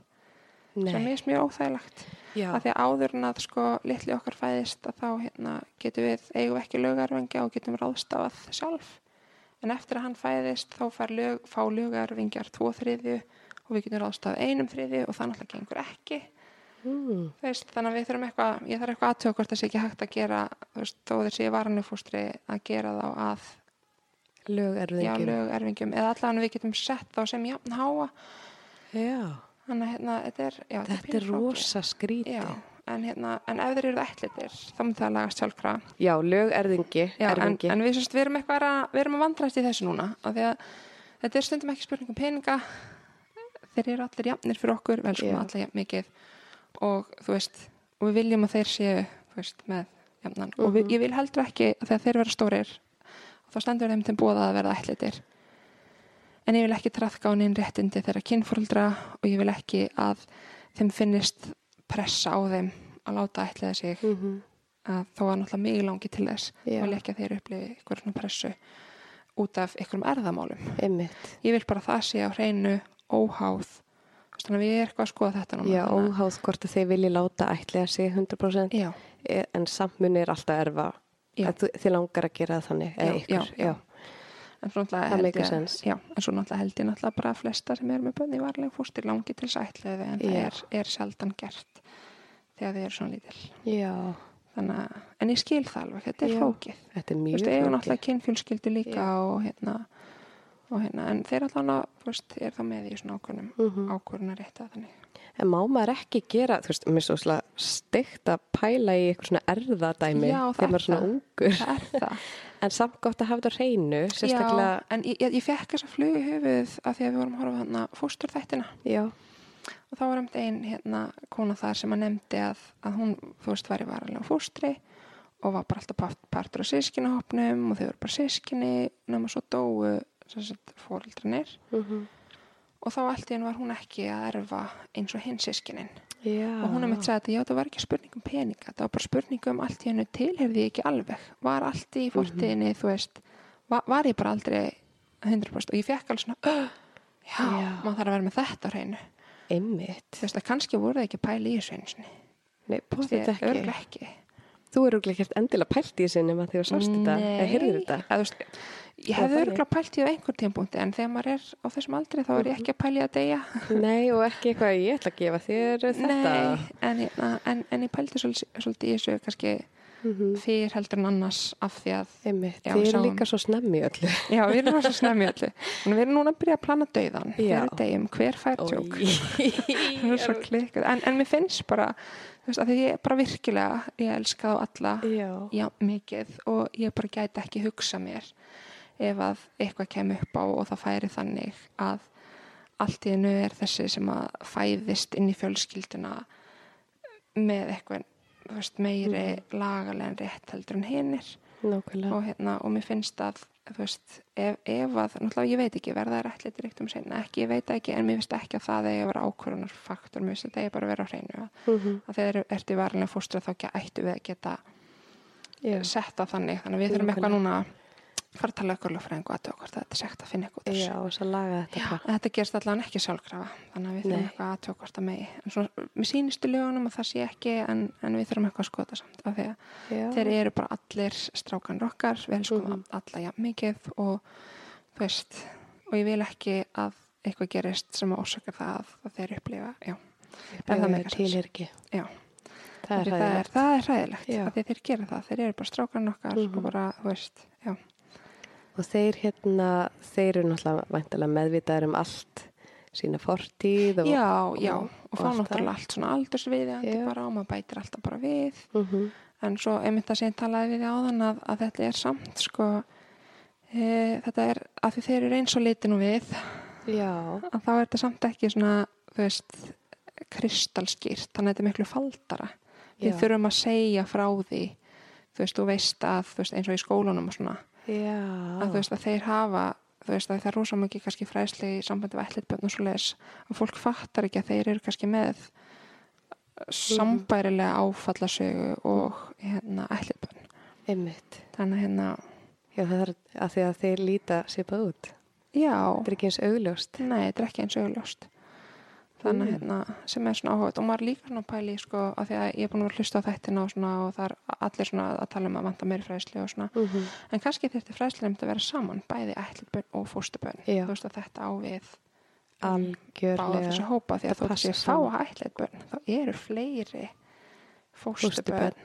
þannig að þetta gæti kannski svona styrt við hvort annað Já, ég hef einmitt hugsað mikið um það að þetta á svolítið, þetta er bara sambarilegt Mhm. þetta er svipaður pakki þannig séð. Já, og það er svo ógisla mörgböld, þú veist, eins og fyrirlestur sem ruti með, þú veist, áföll í æsku eitthvað. Já, og ég er alltaf að segja bara að þetta er ekki bara ætletbönn, þetta eru ætletbönn, þetta eru fóstubönn, þetta eru flóttabönn, þetta eru bönn sem missa nákomin, lenda bara í einhverju áfalli. Já, svo akkurat. ótrúlega margir krakkar Já. sem þurfa svona nálgun. algjörlega þannig að maður gæti tekið þetta svona svolítið svona saman og, Já, og talað um alla þessu hópa því mér finnst svona um, eins og þegar strákanur okkar voru saman Mhm. og ég man að það kom eitt fræsla hérna, hérna, í leikskólanum Já, frá íslenska ætlingu já, ekki frá, við báðum um já, það ekki frá minni átt og ég man að þau sögðu alveg bara já og við áttum okkur á það sama á við um strákin ykkar Mhm. þannig að við munum horfa á þetta eins og ég er yes. Einmitt. þannig að við grættum alveg á því að, Já. hérna, að þeir, þeir hefur verið svona saman og allt starfsfólki fekk þessa fræslu og þau tengd á milli. Já, þetta er eins. Já, en svo er hægt að panta þessa fræðslu. Já, bara, þú veist, hún kostar ákveð já, og skólinn náttúrulega borgar það. Já. en það er hægt að benda á þessi fræðsla. Þetta er bara um áföll í æsku já. og bara áhrifin á börnin það er enda geggja sko. Þú veist, þannig að það er ekki bara um Já. það er bara lagt áherslu á það þegar maður er með já, í skólanum. þetta er, þú veist, þannig ég mæla alveg með því að tekka á því. Já, algjörlega það er enda mjög góð punktur. Já, að þetta er ótrúlega magnað hvað Já. gerist í kroppunum á þessu litlu Já. börnum sko. nákvæmlega, Þannig að maður þarf ekki að skoða þetta þetta er enda mjög góð punktur Já, sko. íslenska ætling með þetta sko. Já, það er náttúrulega ótrúlega mikið að góðum hlutum búin að gerast þar. Já. Og ég er alltaf bara svona, vá, ég trúi ekki að ég muni alveg svo bara ekki. Þú veist, er þess leðin að fara erlendis ekkert að fara að þetta. ætliða Sko, Eða megið það núna, þú er erum bara- með fjögur. Á ég ekki orðin svolítið mörg börn, myndir ekki bara segja, já, ég vinkuna, Ég veit ekki. Þetta er orðið ágætt. Þú erum með fjögur stykki núna. Mér fjögst ekki núna, en ég hugsaði svona þegar típurinn komaði með tal bara, já, þeir eru ekki peppaðir að, veist, að ég seti umsóknuna mínu bara á frost og kem svo aftur til fimm ár, er nú til jánað. Ertu að meina, Þetta er teknandi. já, heldur að þeir sé ekki peppaðir í það? Ég, ég veit ekki, er það? Ég er svo peppað liði sko Nei, ég veit ekki hérna, en, ég veit ætla ég þetta, ekki. en ég er svona upplýð pínu svona, að ég hef heyrt fólk alveg svona vera að sirkja að þú veist, þeir hafa ekki eignast sitt lífræðilega barn og þetta eitthvað. En ég er svona að sirkja bara, vá, ég mun aldrei fara út og, og og, ætla barn. Einmitt, Þú átt það eftir Já, en þetta er samt, þú veist, næstu eða sama skilur. En maður bara svona undirbúið sig að fara út og svo Já. ferðalagið og þetta. Þetta er svona öðruvísi upp á það að fara Já. í ferðalagið Já, fara í og í annan land og allt já. þetta. Svo er þetta allt svo langt frá þér. já, hér er allt svo nálættir eða þú veist, kynfjölskyldan og, og svo hu- hugsa ég stundum þetta er svo lítið land það er örglega einhverjir þeirra kynfjölskyldur séð okkur bara þú veist, á vappinu og, já, og hérna og kannski ekkit, ég, ég reyndar það hefur einu sinni verið pikkað í mig. Bara, Er herðu, ég er hérna frængan mér fannst það reynda bara geggjað. Er það ekki? Jú, og við spjallum smá saman Já. og það var bara geggjað. En, hérna, en ég get alveg trúa því að fólk sé ekkit endilega pikki og mann sé bara, "Ó, þannig eru þau fylgjast með okkur eitthvað, ég veit ekki. Það er örglega skrítið Það er auðvitað skrítið. En svo veit maður ekkert. Já, já, og ég vona að þú veist allir getur bara séð, Já. ok, þú veist hér er alltaf, eða þú veist, ég vona það Einmitt, já. að þeim finnist það bara Svo er ekki mismöndi hvernig fóreldra upplifa þetta. Að þú veist, þið eru svo opinn og lígeglaða sko. já, Og þið bara, já, bara allir velkomnir og bara tala um þetta eins og daginn og veginn. Svo Já. eru aðrir sem finnst það Já. erfitt. Og þá kannski finnst þeim erfitt að pikka úti og bara, herru, ég frængans, bara, guð, og finnst það bara erfitt. já, Það er líka örglalt í lagi, sko. já, jú, það hefur verið alltaf leið og, og maður er alltaf að sjá fleiri og fleiri eftir þessum tíma líður og, og náttúrulega hérna, en já, það er bara já, bara skemmtilegt, sko þannig að, og einmitt, mér finnst svona alltaf flestir sem hafa talað við okkur og svona bara, þú veist, já, það er rosa gott að hann sé bara í Mhm. góðum höndum já, og svona, en jú, það er náttúrulega sorglegt þegar að barnið er ekki í fjölskyldinni lengur það er eitthvað annars Mhm. Það er allavega gott að fylgjast með og fjarlæga og sjá, ok, ok, þetta Já. er alltaf leið allt í góðu þannig. En hvað líður svo þið hérna eignist týpurana Mm eins og þrjuma úr bara, svolítið sprengja hana. -hmm. Og hvað gerist svo? Svo bara á ég þrjú börn og við fegum þrjú börn. Það var bara planið. Mm Bara geggjað og svo átti ég vinkonur sem voru að fara í glasa með fyrir erlendis og sem voru með sig og ég voru búin að missa ótrúlega oft fóstur og Já. eða farið marga meðferðir og gekk ekki og svona. Og það bara gekk allt hérna hjá þeim. Þannig ég var svona einhvern veginn alveg að ég er ekki svolítið leiðilegt að hætta á þess að það sé kannski full reynd? Já, þú fer bara þangað eftir. já, Já. þannig ég hugsaði bara ég hef ekki bara elda er út á þessu stofu? Ég, en það var enda sko í millitíðinni, þá var einn stofa sem með mitt var með ótrúlega háan, há árangustíðinni og ég ætlaði að fara þangað og þeir voru með svona tryggingu. Hvað, í hvað landi spáni Á Spáni, já. og þessi stofa heitir Instituto Bernabeu og ég er ekki að fara að gefa henni góð meðmæli af því ég hefði samband Aha. og sagði, herðu, er, ég- eru þið tilbúin að taka mig inn? Já. Þau eru með ótrúlega háar árangustölur Ok. og ég er alltaf að senda þeim alla pappirna mína hvernig mér hefði gengið í glasa og svona og þeir taka tvo mánuði og ég fyrir viðtal og borga fyrir það og þeir taka sér tvo mánuði að ákveða að hafna mér af því það er of mikla líkur á að það gangi ekki Þú varst að fara til, eða sendir umsón og þau Já, höfnuðu þér. þau höfnuðu mér. Það er sérst hérna IBI á spáni. Þau voru með svona tryggingu, þú veist ef mann er ekki að vera óléttur. Já. Maður, þau tryggja óléttu til 20 vikna.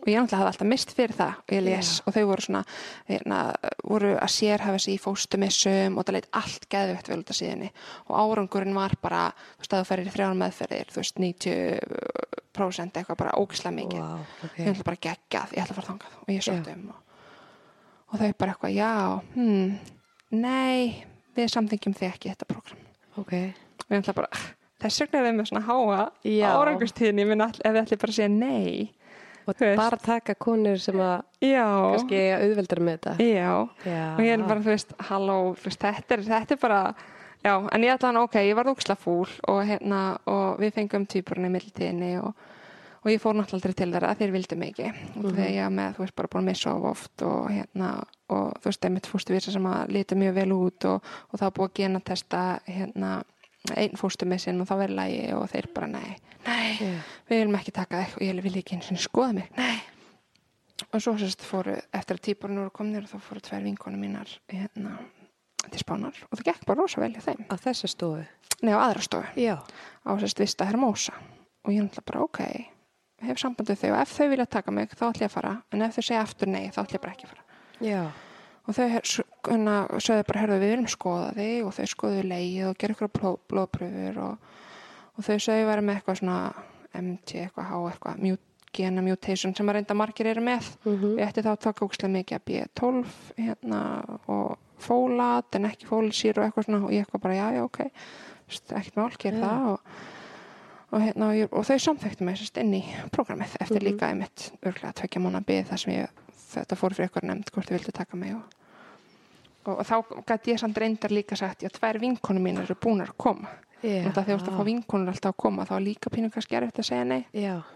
og hérna og þau gerðu blóðpröfu hérna fyrir uppsningu og ég var óflá í prókestróni og þau gerðu það upp og það gekk ekki og ég fór í blóðpröfu aftur á prókestrónsprautum og hérna þú veist við neikvaða ólættu prófið og þá var prókestrónin ennþá svolítið lágt. Og þannig að við fórum í uppsningunum með tvö uh, uppsning og tveim fórstvísum og þeir mældi prókestrónin aftur á prókestrónsprautum Já. og þeim fannst ennþá lágt þannig ég átti að sprauta mig ennþá meira. Þannig ég var að taka fullt af prókistón stílum innum leggöng og sprauta mig með ógislega mikið af prókistóni Já.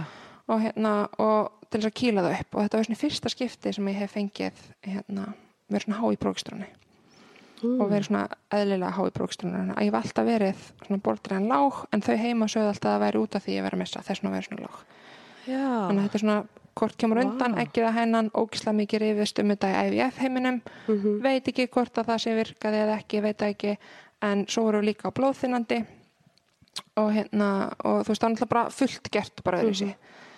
en hérna við sérst verðum ólétt af hérna uh, tveimur fóstrum Já. og kemur alltaf ótrúlega vel út í 12 vikna sonar en svo missum við annað við 14 vikur og ég náttúrulega bara ok hann er að fara að deyja, ég er ekki að fara að segja neinum frá þessu, þannig ég sagði ekki neinum með, já, ég var með eitthvað eina trúnaði vinkonu sem þekkti engan annan sem ég þekkti og hann var með svoleiðist vin líka en annars þá vorum við ekki að segja henni frá þessu Ha. af því ég hugsaði sko, æ, hann er hvort sem er að fara að deyja Þú veist, við missum, missum annað fóstri á ö, f- 14 vikur þegar missum. og þá er ekki búin að segja neinum.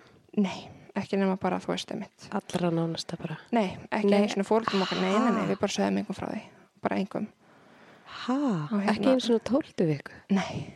Bara hræðslan. Já, ég var bara svo hrætt og ég vildi ekki segja líka, sko, þetta var líka út af strákunum, ég vildi ekki segja þeim nema að væri pottitt að ég vildi ekki, ég vildi hlýfa þeim frá sorginni Já, og bara, sorry, en reynslan sýnir að þeim leið og er búin að segja einhverjum, já.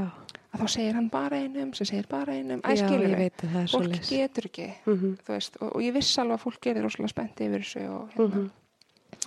en Vá, hérna, en þú mistir, en annað, fannst já. eitthvað fyrir því eða sást það bara í sóna? það sást þegar við fórum í hérna, svona, var hægt að hlusta í fyrsta skipti í, hérna, í, hjá, í maðurvendinni Mhm. og fannst bara eitt og hún sagði er rosa algengt með tvíbara hinn er bara bakvið en ég ætla samt að senda því í sónar Ok, og yngvar beðið fyrir utan hann mátti ekki koma með inn út á COVID. Og ég hefði bara vá hann má ekki koma inn ekki þó að það hafi ekki heyrst Ha. hjartslátturinn í hinnu það var ömulegt þannig ég þurfti að fara einn og þurfti að fá þær fréttir eina að annað fóstur okkar að vera dáið. Og þurfti svo að fara út í bíl og segja honum sjálf, tilkynna honum að, að annað fóstur okkar veri dáið þess að maður var ömulegt, að það var svo Oh my ömulegt God. þannig að hérna hann fekk undan þáu og þau sögðu að hérna Jesus. næst og leiði okkur Mhm. að koma tvekja ekna fresti að næst að þá mætti hann koma með hann fengi undan þáu fyrst þetta var svona Já.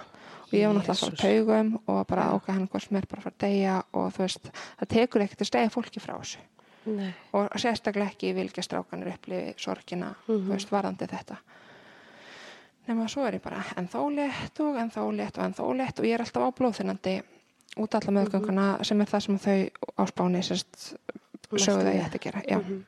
En varstu í sérstöku eftirliti? já, ég fekk að fara í áhættum aðrivend hjá landsbytalan og ég er mjög þakklátt fyrir það því þá gæti ég komið svo oft. Og alltaf ég var hrætt þá gæti ég komið og, hérna, og það var rosalega gott. En var eitthvað meiri hætta á að missa hinn? e, sko, þeir voru náttúrulega, þetta voru hérna, tvíegja og þetta gerðist þegar að hitt fóstur er það lítill, þú veist það er ekki nema kannski rétt hæp 100 gram eða eitthvað. Mm -hmm. þannig þá hefur það minni áhrif af því að það er svona lítið og af Já. því að þeir eru tvíekja Mhm. þannig að þetta virtist, virðist hérna allavega já, en ég var samt rosa hrætta þú veist, já, því maður veit ekki hvað er að manni. Nei, en, en svo bara gekk, þú veist, mér gekk mjög vel að vera ólétt, ég var náttúrulega frá tegum andlega. Já. en mér svona, þú veist, líkamlega Bara bara gerð fyrir þetta og og gekk mjög vel að fæðan og, og hérna og svo leis en, en hérna þegar að ég var alltaf með svona ónúta tilfinningu og þannig alveg í lokin að þá fannst mér að finna fyrir svo litlum hreyfingum. Og þau á landsbytarinn náttúrulega bara alveg æði. Ég fór bara í endalust af svona mónitorum og, og vakstasonurum og, Mhm. og hérna. Og svo á einum tíampunkti var hjartslátturinn eitthvað ekki alveg eins og hann átti að vera. Mm og hérna þá bara ok, við erum bara að sitja á stað núna. Og þá var ég komið 39 vikur og 5 daga, sérst fulla meðgöngu sem ég held ekki að ég myndi ná. Já. af því að ég er með hjartalega leg sem að var enda lagað í tveimur aðgerðum. Já. þannig að ég er búin að fara í fullt aðgerðum svo stákvíðarhóli og svona líka. Og það verður mm Mhm. hjálpa til að líka hjartalega legið hafi verið lagað og svona. En, hérna, en ég held aldrei ég kemist svona langt af því það er mm áhætta á að þau fæðist fyrr með svona leg. En við komumst alla leið og hérna á að settur í gang, eða þú veist ég var sett í gang og, og fæðan og það bara gekk bara rosa vel. Mm og hann náttúrulega bara tilbúin þetta er náttúrulega svona bara full meðganga. Og hérna en það sem að kom í ljós var að fylgjan var óbúslega lítill og rýr með bólgubreitingum Hvað því það? og ég bara veit ekki alveg ég var eitthvað að spyrja og ég alveg fyrst tengist þetta eitthvað fósturvísum og þá sagði fæðingleikninu sko ef ég myndi gera þetta aftur og þá væri gott ég vera blóðþyrandi alla meðgönguna og ég, alveg, ég var á blóðþyrandi og þá sagði hann að það gæti mögulega hafa hjálpað Hjálpa, já. við að- þetta allt Vá. saman en ég, eins og segi, ég veit ekki Nei. en þetta er líka svo, þetta er svo erfitt að rannsaka þetta að þú getur ekki nota saman fóstvísun oft og, og prófa mismandi með saman Já. fóstvísunum þetta er rosalega erfitt að rannsaka þetta Mhm. og, hérna, og það er greinlega eitthvað meira sem er ekki alveg að virka eins og að gera en, en það er bara eins og ykkur hafi passað upp á hann Já. segi ég, manneskjan sem er náttúrulega bara minnst trúið í heiminu Þannig, að- en það er eins og ykkur hefði bara passað upp á hann því hann bara var eðlilega stór eða þú veist, hann var svolítið léttur hann var Mhm. 3,2 kíló og 52 cm hann er svolítið Já. léttur með við lengt Langur og léttir. já, Sæti. algjör kom hann í heiminn? e, 5. júli Já, þannig að hann er nýjum mánuða og svo náttúrulega fæði maður hitt fóstri með já.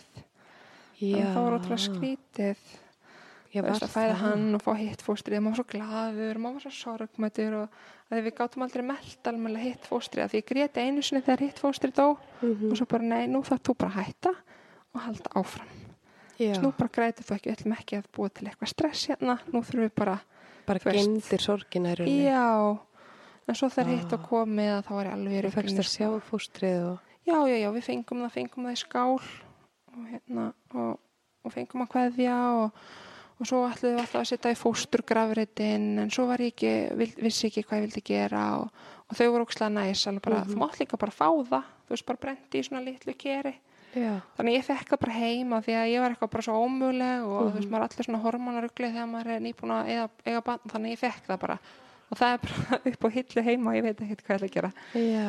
þannig að hérna, að því ég var eitthvað alveg bara svona, að ég veit Mhm. ekki, þetta var pinnstegt Örgulega rosalega skrítið og erfitt. Já, þetta var líka bara svo, þetta var svo geðvitt gaman að fá hann, við vorum samt svo leiða því að veist, við hefðum alveg viljað að fá það og báða eða þú veist, Og veistu Það hvort það hitt að vera strákur? eða? nei, ég veit það Nei. ekki þá, þau sögðu það vera of seint eða þú veist, það væri of langt síðan það dó til að það væri hægt að senda það í Já, veist, ég baði um það en, hérna, en ég náttúrulega kýrir alltaf ráð fyrir allt séu strákar já. og bara strax svo hugsaðum að ætlaði frá Tjekklandi Já, svona líkindalega sé að þá er það strákar. Já, bara flott, strákar, það er bara fínt. Og svo náttúrulega hefur ólítið honum, já, það er bara strákur og hérna, Mhm. bara alveg, bara, þú veist.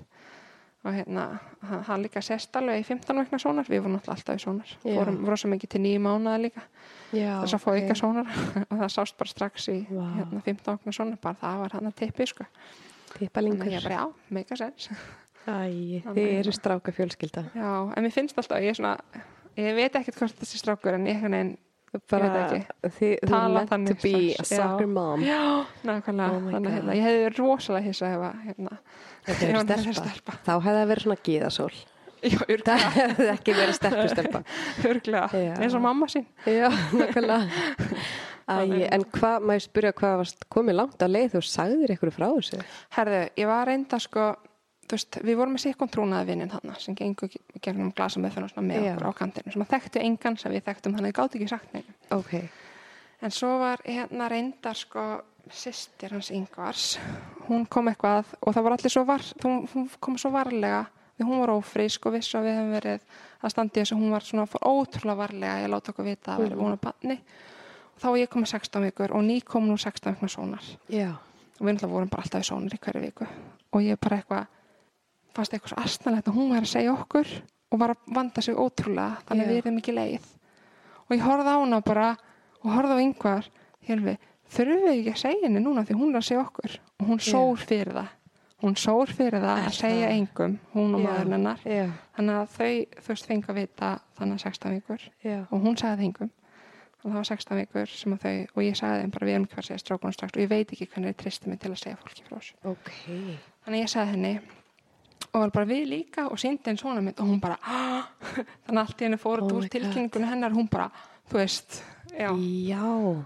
þannig þetta var já, svona óvænt dagsins en, en svo sagði ég e, mínu vinnuveitanda frá þessu Mhm. af því hann var svona að byrja að skipleggja næsta vetur og var svona að spurja mig spurninga og ég var orðin eins og asni Mhm. þannig að mér, ég var hættum að ég hljómaði eins og ég vildi hætta eða eitthvað því mér fannst svo erfitt að skipleggja eitthvað hvað átt að vera næsta vetur af því ég var eitthvað svona bara eins og kjáni eiginlega þannig að ég sagði honum frá því vátan vikur og hann einmitt bara þurfti bara að þegja líka Já. og þá var ég alveg sínilega ólétt sko Þetta er litla batni hennar með læti. Hann er hérna í podcastinu við okkur. Hann er indislegur. Hann ætlar ekkert að, ætlar ekkert að að tala. tala. Nei. hann öskrar Hann kannski hann er svo hann- já. brúskall. En þá var ég orðin alveg sínilega ólétt og, og svo kom hérna, það var vetrafrí og við fengum all COVID fjölskyldan. Ég fekk COVID þannig að því að komið 19 vikur og náttúrulega fríkaði út. já. Þá mun barnið öruglega að deyja, æ þú veist, var það Maður er bara þar, já. En ljósan bara, nei, nei, nei, þú verður öruglega rosa mikið veik, veikari af því að þú ert ólétt. Já. En, en fóstur eru yfirleitt að þóla svona mjög vel og og bara, veist, og þau meiri sér sko sögðu að ef ég er að fríka út að þá væri hægt að koma í skoðun Já. þó ég væri með COVID sem að mér fannst bara geggjað.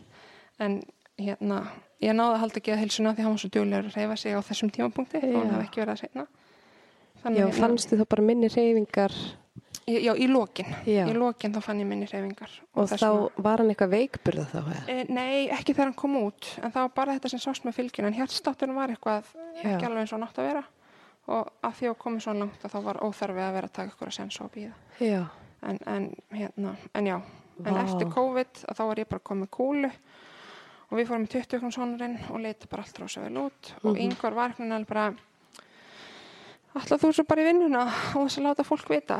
Mm og ég held já, en hann var búin að langa að segja svo lengi. Já. og hann var alveg þú veist hvernig þú lítur út er það ekki?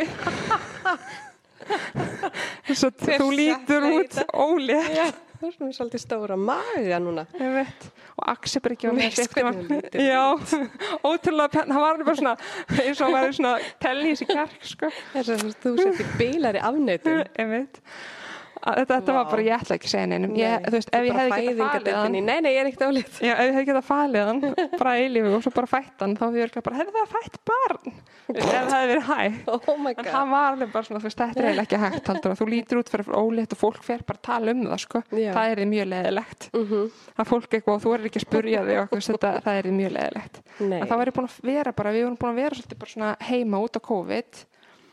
og þú veist, og kúlan hefði stækkað mjög mikið frá 18 vikur í 20 vikur. Og, hérna, og ég var orðin mjög áberandi ólétt þannig að Mhm. þá ákveðum við að ringja í svona fjölskyldan okkar nánustu vinni og ég náttúrulega gæti ekki verið í símtalinu ég let strákana tilkynna um þetta að ég bara það? ekki. Ég gati þetta ekki, Af ég gati ekki? ekki? að ég bara, bara gati ekki tala um þetta. Ég gati ekki, Ha? ég gati ekki tala um þetta. Mér finnst þetta bara svo erfitt og hérna, þannig að í- við sögðum þeim og svo ringdu þeir í alla og Axel Bryggi, hann er náttúrulega bara alveg eins og ég. Hann bara gati ekki tala um þetta. Nú. hann var samt búin að vera að klappa með maganum áður og bara mamma hvað er þetta? Ég leti bara mægin á mér. Hann bara nei þetta er ekki mægin þú ert með eitthvað og, og Oh ég my held bara nei og svo kíkt hann og þú veist það var mægin og hann var samt svona hm, skrítið. Þannig að þú veist hann var farin að sjá það sko. Vá. en við Axelbyrgi við gáttum sko ekki hringt og talaði fólk. Þannig að tvíbrannir gerði það. Ógisla glaðir. Sögðu öllum og við erum bara að fara að eignast lítinn bróður og, og þeir náttúrulega Ó. ströða allt í belg og byðu þannig að fólk var alveg bara að býtu ha? Já. hvað er að gerast hérna? Og þau bara skildi ekki hvað er í gangi. Og mamma var einhvern tíðanpúti Haldur og Lind, viltu koma hérna í síman og tala við mig? Mhm. Svona eins og ég væri bara að vera skamma Líka fyrst var hann bara og hundur nóléttur eða þeir eru að fara að taka annað barn, eru að fara að ætla barn, eru að fara að taka fóstbyrði, hvað er í gangi? Svo það datt engum í huga ég væri ólétt. Og sýsti mín var eitthvað bara þegar ég sagði herðu, getur að haft dóttu þína með í símtalinu? Eitthvað. Hún bara já. Og hún held að ég hefði fengið mér kettling eða eitthvað því ég var búin að tala um Já. að langaði svo í kettling. Mhm. Og svo náttúrulega kom ekki kettlingur það kom sónamynd og hún bara, ha, byrju, já þetta er ekki kettlingur og allir voru bara eitthvað svona bara, það tók þessu. alveg smá tíma svona að, já, Já. ég bara gæti ekki talað um þetta og svo, bara svo bara ég get ekki sagt fleiri frá þessu og þá fekk ég einhver að setja á Facebook, þannig að Facebook tilkynnt þetta fyrir okkur svona stöð, þegar fólk var sér til hamingju þá fekk ég svona ah, eins og það væri samt ekki minn raunveruleiki Já. Þú ert að vernda þig bara. ég, ég bara gat ekki ég bara, þú veist, mm fannst svo erfitt að tala um þetta Bara hrætt við að missa þá. já, og svo fannst mér bara, já, og hrættum að barnið verður að deyja og svo náttúrulega, þú veist, um leiði var búin að tilkynna og þá fann ég ekki spörk og ég bara, hann er bara dáinn. Nú erum við búin að segja Oh frá þessu og þá erum við búin að, hérna, eðilegja þetta. Við erum búin að jinxa þessu og nú er hann bara dáinn. Ó. og við náttúrulega fórum í sónar og hann var ekki dáinn, hann var bara ótrúlega ótrúlega hress. Vá. og það er í nýju mánuðum, sko, þeir voru svo sætar um mig. Ég, við keftum svona þrývita sónar og fengum geggjar myndir og fyrsta sónarnum fannst mér. Og hún bara, já, það sést ekki nógu vel, þú far annan frían svo fórum við annan, það sést ekki nógu vel, þú far annan frían en ég var Nei, alltaf í öll skiptin, jafn ánað með myndinar Já. þannig ég var svona, vá, hún er að vera góð við mig og leiða mér að koma oftar Já. og þess að þurfa að hérna, tæma allan bankareikningi minn Oh my god. og gaf mér eitthvað bók og eitthvað og hérna Bara special treatment. Æ, hversu geggjað.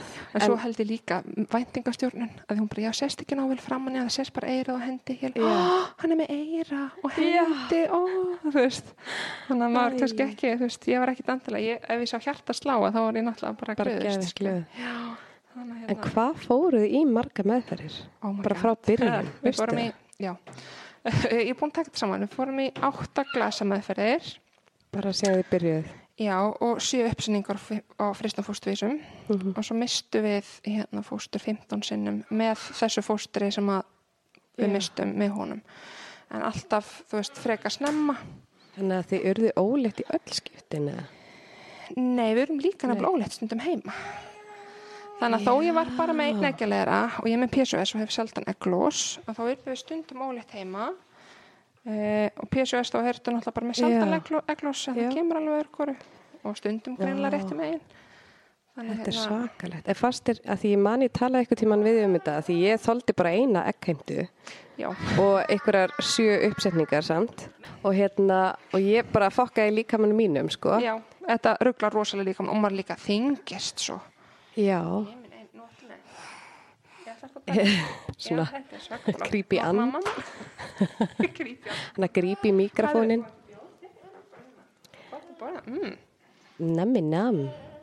Já, nei Ákveðin unga maður en.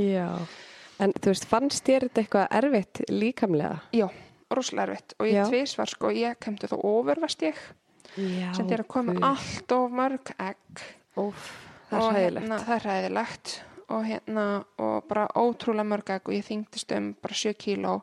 Mhm. og það gerist fyrst í Noregi og þau vildi nú bara valla skoða mig bara, æ, þú veist, getur verið komin eftir korter því við erum meila að loka, sko. Þannig ég var bara að díla við þetta heima og eftir á þá kemst ég að þetta er náttúrulega bara hættulegt ástand að vera en ég þorði ekkert að koma aftur. Þá var ég 24 ára og var náttúrulega bara já þau vilja ekki fá mig, þetta er örugglega bara eðlilegt fyrst að þau segja æskilur en þegar Oh þetta gerst á God. Íslandi þá. Mhm. passa miklu betur upp á mig. Þá bara við sitjum ekki fóstvísu upp af því að þú ert í þessu ástandi Mhm. þessu eggjastokkanir eru bara eins og sikkur handboltinn Oh svo passaði ég á bara eins og ég verið gengin símónaða leið eitthvað Úf, ég fæ við að hugsa um þetta. já, ég fekk miklu betri ráðleggingar þú veist, Hérna hérna heima. heima. heldur en hérna úti Mhm. og hérna og þetta alveg, já þetta fór mjög illa með líkamann sko, Já. alveg rosalega þannig að hérna og ég þyngdist alltaf mikið í glasa og svo þegar ég var að missa þá er ég oft líka á styrum og svo síðast ég var svo mikið á prókistrannsprautum, blóðþunandisprautum ég var á styrum og allt til þess að reyna að halda og sjá Já. hvort að það myndi eitthvað hjálpa og þegar maður er á styrum þá náttúrulega það er ekki það er ekki gleði Nei, eru styrarnir þá líka til þess að hjálpa? já, já, en það verið að Vá. reyna En, þegar voru ykkur há mótefni gildi, Já. það er ykkur svona mótefna flettur sem var mælt hérna, Mhm. bara, og það var bara hérna heima á ónæmisfræði til landsbyttilans og það svona getur gefið íspendingur um að maður sé með eitthvað svona sálsóna með eitthvað. Ok. En, hérna, þannig þá að prófa það, hérna, láta hann fór styr og ég fekk líka intralipid og svo prófaði ég, heitir immunoglobulin, IVIG.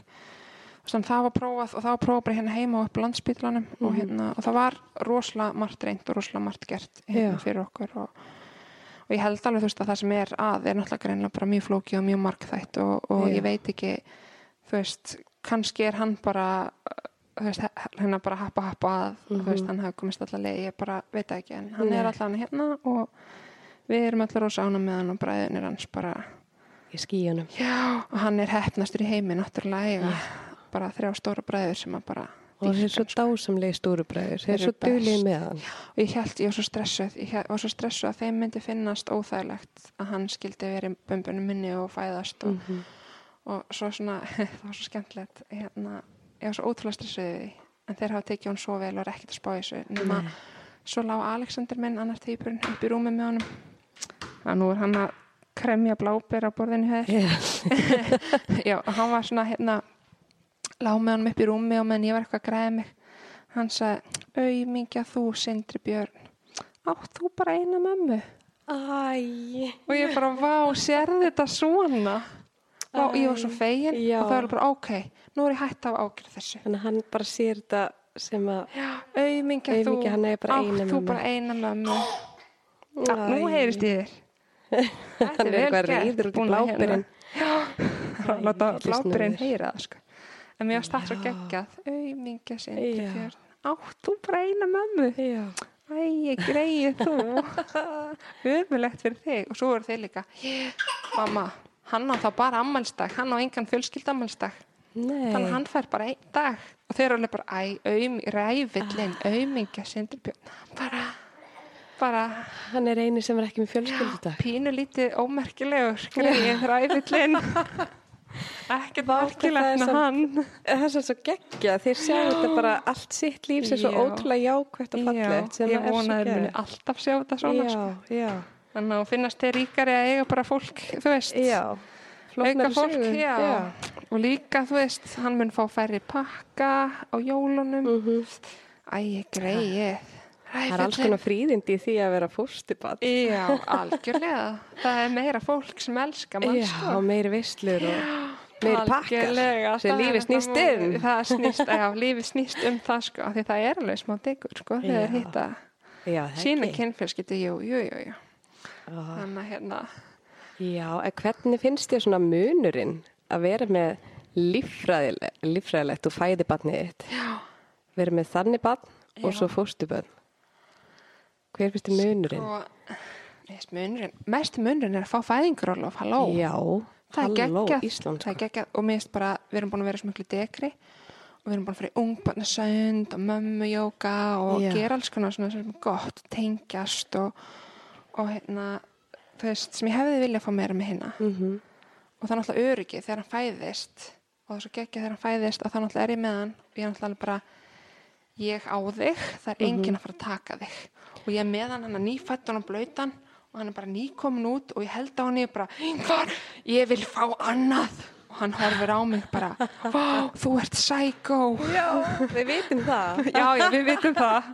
Þannig að hérna hann verður alveg bara svona, þú veist, að því maður er eitthvað, veist, hormonin, það fyrir bara allt eitthvað röss og þetta er svo geggjað og ég er með hann einhvern veginn. Og því ég fæ hérna, þá þarf ég að vera svo passív Já, þið eru kannski bönnin mín einmitt. en kannski ekki, en svo náttúrulega þegar ég fæ þeir eru varanlegir, þá Mhm. er bara partí og þessi gleði en það var svo geggjað að fá svo gleði strax þú ert minn, þú ert lifandi og hún bara kröftur, öskrandi og bara, þú veist Já. það er enginn að fara að taka því, það er neina áhyggjur af því Vá. en, en svo náttúrulega þegar maður er komin yfir það og allir eru bara Mhm. þú veist, það þykir mig jafn- vænt um það alla en samt á ólíkan hátt Já. því við gengið í gegnum mismandi hluti með þeim af því að Já. þeir hafa gengið í gegnum mismandi hluti þannig að hérna, þetta er svona en já, mist fæðingurlofið og svo náttúrulega einmitt þetta, það er náttúrulega flóknara þegar það eru margir þú veist eins og kynfjölskeldan og Já, svo veist, það er já. flóknara það er svona, þú veist Mhm. Já, flækjustig. það er náttúrulega að eiga börn, það eru æfingar, það er skólinn og það er Mhm. leikskólinn og það er veist, allt sem er að gera og svo kemur pluss Já, þú veist, kynfjölskyldan, maður er að hitta þau og, og þú veist, þannig að það er alveg þess flóknara en ég veit ekki, maður náttúrulega þekkir lífið einhvern veginn bara svoleiðis núna Já. þannig að það er bara, Það er bara normalt. já, og geta of margir elskapa, ég held ekki Það bara, er endaljus ást. já, Eða ekki? en mér fannst, já, að það að fá að tengjast og fæðingarlof og, og svo náttúrulega líka, já, og svo upplifir stundum svona smá sorg og hvað voru þeir að gera þessum aldrei Já. veist, ég var ekkert tímann að nutta hann í hérna ungbarna jóka þegar hann var bara þriggja mánuða eða eitthvað og ég bara, ó, ætli ykkur hafi verið að nutta strákana þegar þeir Mhm. voru þriggja mánuða, æ, þú veist, ykkur svona Nákvæmlega. dúli, ég hef ekki hugmynd, jú kannski var ykkur að ég, Já, þú veist það ekki. nei, ég veit ekki þannig ég fekk svona líka samviskubit ég fekk Já. samviskubit, ég var hafi ekki verið að gera það sama með þá á sama aldri þegar ég þekkti það ekki einsinni eða þú veist, ég vissi ekki einsinni að það voru til eða þú veist, Mm þannig svo skrítið að hérna, já ég fekk svona, það kom á ótrúlega- óvænt svona eftir á sorg Já. að hafa mist af ykkur með þeim sem ég fattaði ekki að hefði mist af af því að ég fann það ekki eins stert fyrir hann að hann kom eitthvað Einmitt. Þetta er að rosa merkilega tilfinningar því ég hef oft hýrt um svona dæmi. Hefur ættleitt, það er eini mitt sem að, að þáttur sem á eftir að koma tuned, eða búin að koma Ú, eða búið að koma þegar ég gefi þennan út. En hérna, en hún talar um þetta á ættleitt börn og líffræðilegt. Já, og þegar hún fætti barni sitt og var að upplifa þetta sem þú ert að tala um já, þá fekk hún alltaf þetta sorgaferli tengt sínum börnum bara það sem hún misti af og þurfti bara virkilega sirkja já og þetta kom á óvart af því ég held ég væri búin að vinna svo vel úr veginn Já, öllu með þá einhvern veginn. Þetta var svona óvænt sorg. Já, að ég held ég myndi upplifa gleði að fá að prófa þetta tímabil sem ég mistaði með þeim sem ég hef alveg upplifað líka. Já, að alveg þetta er búið ótrúlega gaman að vera í fæðingarólofi og hérna og fá fæ, loksins með fjóða Mhm. sitt. Ekki fyrir að vera í fæðingarólofi og bara einbytta þess að því. Já. En það kom rosalega svona aftan að mér að ég var alltaf, þú veist, það kom alltaf öðru hvort til mín. Mhm. þessi sorg. Að þessi sorg, já, þú veist hérna, Við fengum ekki. þá líka. Já, Já. ég fekk alveg svo mikið þannig ég er að sirkja fyrir barni mitt. Alveg yfirþyrmandi sorgatilfinningu já bara allan hennar missi sem við mistum af saman og það sem Já. hann misti af sem barn Já, einmitt. Og þetta er svona, og ég vissi það alveg áður en hann fættist hver ég var búin að missa af Já, en svona svo einhvern veginn þegar ég var að lifa það líf með hann þá er þetta svo það mikið sem einhvern missa. sterkara já, Já. og þá sá ég svo, já, við mistum að þessu og þessu og þessu og þessu Svo ótrúlega mikið sem gerist í lífi barna fyrst í Já, tvö árin. já. Eh, hvenær þau verður í fústri eða ætlættur. já, Úf, og maður fær alveg, ég fæ alveg ennþá svona sko. já en þetta er rosa skrítið um þetta, já Þetta er flókið. og svo náttúrulega líka bara munurinn er líka bara miklu betra utanumhald þegar ég hefði haldið að um, þú veist, mér hef- hefði eiginlega fundist að hefði þið átt að vera meira utanumhald með þá og minna með þennan Já, það er svo einmitt. upplýði ég sko þegar ljósmárin kom og hún var svona að skipta sér af ykkur svona litlum hlutum kannski sem skipta ekki rosa miklu máli. Mhm. en ég var svona eitthvað bara, hvað er hún að skipta sér af því? Þetta er barnið mitt. Já, ég fekk alveg bara svona þetta er fjórða barnið mitt bara þú ræður ekki á hvað degi er baðan bara sorry Nei, en þú veist, ég var alveg bara svona Mhm. ég fann seint bara svona pyrrandi hvað er þú að hérna? Hvað er þetta skipta þér af, en kannski, ég veit ekki hvort að ég hefði alltaf verið svo leis eða hvort ég var svo leis út af því að það aldrei verið að skipta sér svo sem Á að hinum, nei, nei, einmitt. þannig ég veit ekki hvort ég hefði verið svona bara samt en ég fekk alveg Já, svona ég held það sko. Ég alveg ímynda mér að ég myndi svolítið verið þannig persónlega, bara Já. ef að ykkur hefur alltaf skiptað sér, að því að maður er með hana gæðastimpil, þú ert toppfúreldri, já, þú ert búin að fara á öllu sem námskeið, þú átt að hafa alltaf hreinu. Já, og þess svo er enginn að skipta sér að þér, skilju, og þú bara gerir þitt og ert í sittinu, en svo þegar eitthvað kemur og byrjar að segja eitthvað, það bara líður menn svo að segja gaggrína eða bara Nei, svona, ekkert endilega, en hún var eitthvað bara, þú veist, já, þeim langar að sína nemanum hvernig við böðum, þannig við ætlum að baða þessum degi, fekk svona bara, bara mér langar ekki að bana já, og svo þessu var hún bara, degi. nei, ég viljum ekki setja ólíudrópan, ég hef búin að finna eitthvað svona að, eitthvað svona rosa organ, eitthvað fínt sem að vinkonum mín hafði notað fyrir sitt bann og ég hef búin að ákvað, já, róparu, þetta var sko hann ekki og hérna alltaf að nota í baðið og hún bara, nei, við ætlum ekki að setja svona í baðið. Og ég bara, Nei. eitthvað, bara, veist, halló, bannið mitt. bara, Ég er ætla að víst að setja óli í baði. Þannig að ég svona, að ég fekk svona, mér fannst þetta svona bara og Já. það er að afskipta sig með eitthvað. Já. en jú, jú, svo vorum alveg rosa fín líka og allt það, en, en, en ég veit ekki. Þetta var svona já, ég var að vera að skrýða hérna á gólfinu. Já. svona, herðu, sorry með gólfið þitt. Það er allt í góðu, þetta er blábyrjagólf núna. Vá, þetta er rosa flott, hann hérna. Þú er svo duglega að skreita já Jésús Það er rosa flott hjá beauty. Hann er alltaf algjörðúli sko, og bræður hans eru svo góður við hann sko, ég bara líka þú veist, þeir eru allir svona mikið stuðboltar Já. eins og í kringum hann, eru búin að vera rosalega svona bara, þetta er korpasveitin já, ljúður góður já, með alla hundana, öll börnin já, og því nákvæmlega. En hvernig er geðhilsaðin Herði, já. Ég mitt spáði mikið í því, loksins þegar ég fekk hann að lista. sendi ég lista Nei, þegar hann fættist. og ég var ég búin að senda spurningalista því svo myndi ég ekki hvort ég hef gert það en já, ég spyr alltaf, þú veist hvernig geðhilsan er og bara heilsan, andlega og líkamlega Já, ég held hún sé bara allt í lagi, sko. Held ég. En svo held Já. ég líka stundum, þegar maður horfir á hlutina eftir á, já, það sjáum maður meira heldur en þegar maður er í þeim. einmitt hérna, en já, mér finnst bara, já, mér líður bara vel, gengur vel. Mhm. Mér finnst rosalega gaman bara að vera að koma með loksins, bara stóra fjölskyldu og já, draumurinn eftir á, já, draumurinn rættist en svona eftir á að það var margt af þessu rosalega mikið að vera í þú veist bæði allir tilfinningafleikinni og, og vera öllum þessu umsóknarferli og, og vera samt og fulli í glasamæðfyrðum og, og maður er svona, þú veist, ég skil kannski betur núna, þú veist, þegar ég var að tala um ætlingarnámskeiðinu, nú eru þau öll hætt í glasa ég skil alveg Mhm. þú veist, núna kannski betra af hverju fólk gerir bara eitt í einu. Já. þetta er rosalega mikið að vera í öllu, ein, öllu í einu. En á meðan ég var í því öllu í einu Mhm. þá þú veist, fannst mér að það samt bara ótrúlega normal að vera að gera þetta allt í einu. Já, já, ég held að kannski, ef þú myndir spyrja mig eftir fimm ár, Mhm. þá kannski myndir við fann að sværi, núna finnst mér þetta allt bara gett normal og bara líði vel, jú það er brjóðlega að gera. Það er nóg bara að gera, já, en, en þetta er samt einhvern veginn þið er vel langað já, með það sem er langað búin að vera gera, að, þú veist, Mhm. mér er búin að langa þetta svo lengi að þetta sé svona og finnst þér ekki gaman er eða- svona og þeir eru bara strákanum mínir og þetta er bara, þú veist, það er enginn að fara að taka á frá mér, þú veist, Mhm. fjölskyldan okkar verður bara svona og hérna, þannig að þetta er bara já, mér finnst þetta bara svona 95% geggjað og 5% crazy þannig að hérna mér finnst það rosa jákvæð tala hjá þér. já, örgulega En var þetta eins og bjóst við að hérna fóstubötnin og svo líffræðilega bötnið, þú veist? Að þú er alltaf með væntingar, bara svona hvernig er þetta, þú veist, hvernig var þetta fyrir þér? Erfiðara, auðveldara? miklu auðveldara að, að ganga með og fæða bann miklu, miklu miklu þá svo fyndi þegar ég var ólétt þá þurfti fólk alltaf að segja mér já, núna færðu sko að vita hvað þetta er erfitt að vera með nýfætt bann Já, og því fyrst það ekki. og ég var eitthvað, jú, jú, það er alveg erfitt að vera með nýfætt bann en ég held að fólk fatt ekki að það var eins og í veldisvexti erfiðara að taka börn sem eru með hérna, ákveðið bara í svona reynslu bunkanum sínum áður en þau koma. Og mér fannst svo mikið peanuts að vera með hann með að við hvernig það hafi verið með hinna svona erfileika stíð og tilfinningaflækjan og allt sem að fylgir. Að ég var eitthvað þegar fólk var að segja nú sjáu þið hvað er sko erfitt að vera með nýbra prófaðu að fá tvo tveggjara bara ómænt heimtíðin og hérna, þú veist, come on. Nákvæmlega.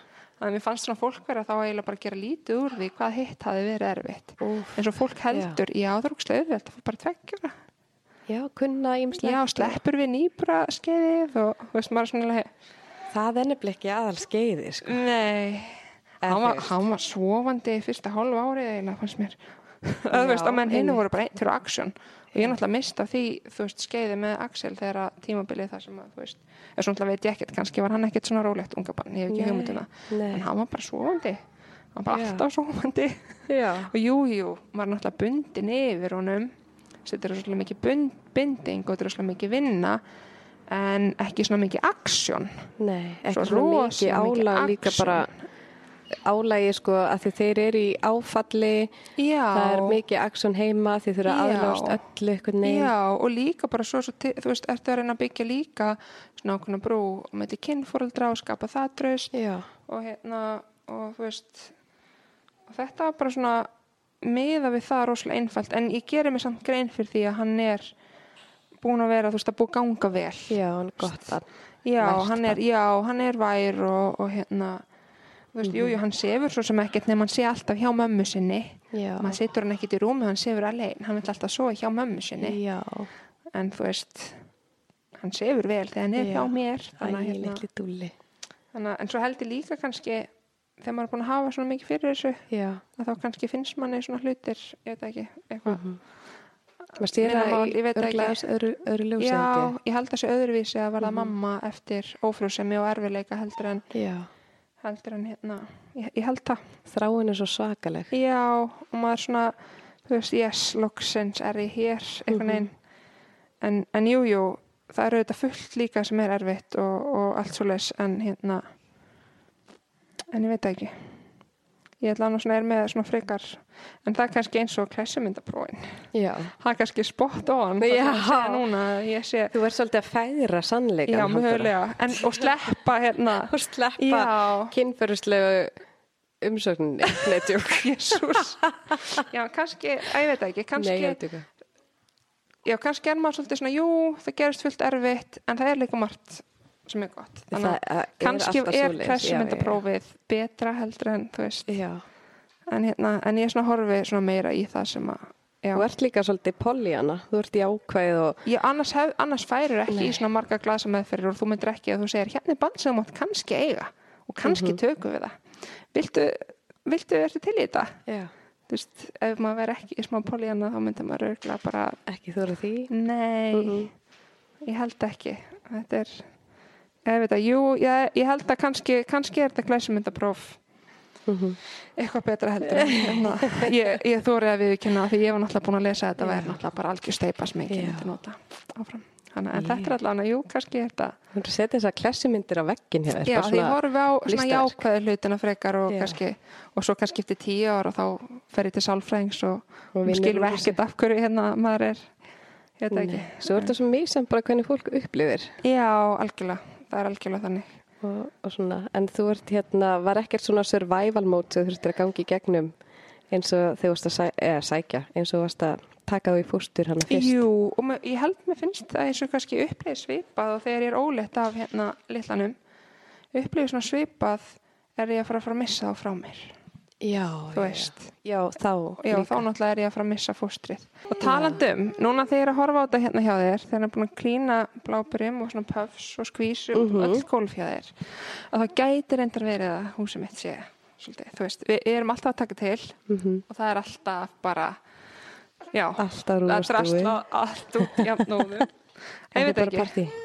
Bara eins og það er, bara Já. ótrúlega fjörugt og það er mikið læti og það er mikið drastl og það er brjóla að gera og en við bara elskum það ókslega mikið og okkur finnst ótrúlega gaman að eiga tíma með þeim og og svo stundum er drama og stundum gengur alltaf ókslega vel og bara, þú veist, þetta er bara alls konar og Og ég held að það sé bara, já, ég held að sé bara þannig hjá öllum, Já. sko Það er segja, bara þú veist, og dásamlegt. allir eignist sín bönn á hefðbundna hátina, þá Já. finnst mér það líka bara að vera upp og niður, sko Það er það og það er Þannig bara eðlilegt að sé já, þannig. já, en ég held að kannski þetta er kannski hærra flækjustig Já, og svo held ég líka bara að maður þurfa að vera með- meðvitaður um að þú veist, að þeir eru náttúrulega aldrei búnir kannski að vinna úr sínu það er náttúrulega bara sem að þeir, þú veist, fylgir þeim síðan bara alltaf Mhm. Já. og maður það bara alltaf að reyna að vera stíðandi í og líka bara ef þeir segja hluti eins og þú veist, ó ég vildi að ég hefði gett alltaf verið þarna og það hefði Mhm. bara verið svona hins einn að maður þarf að passa sig þá múðkast ekki og já, nákvæmlega bara hérna, auðvitað, þetta er skiljalega. Já.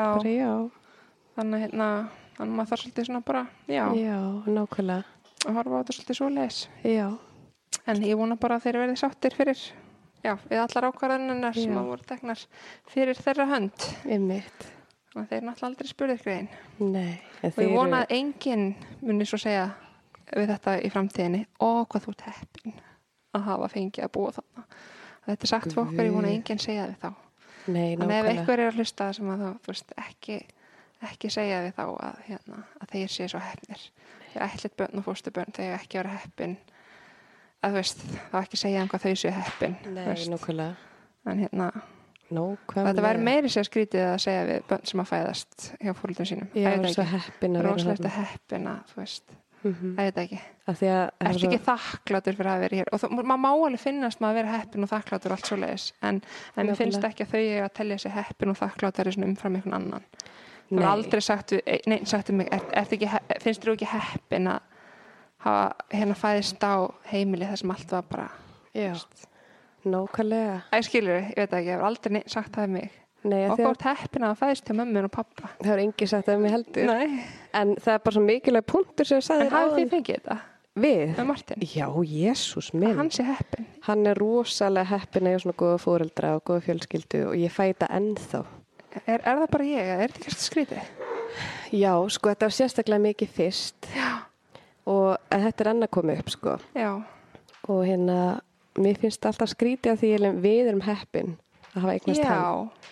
Mér líður um þannig líka. Ótrúlega heppin og hann er, jú, hann er að sjálfsög heppin líka. Já. Við erum öll heppin með hvort annað en mér finnst þetta alltaf skrítið komment en ég held að fólk segja að meina Já, rosalega. það meinar það svo vel. En, Rosalega en ég vel. segi stundum, já, við vorum öll svo óheppin að við urðum heppin. Já, nákvæmlega, því það er svo góða punktur. Pældi harmleikin sem barni hefur þurft að upplifa Já.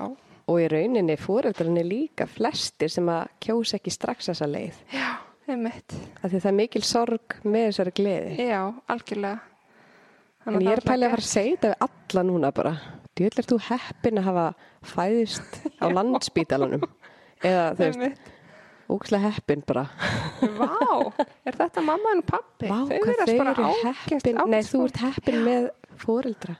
Já, er heppin að hafa fæðist hjá þeim. Já. Rosa heppin.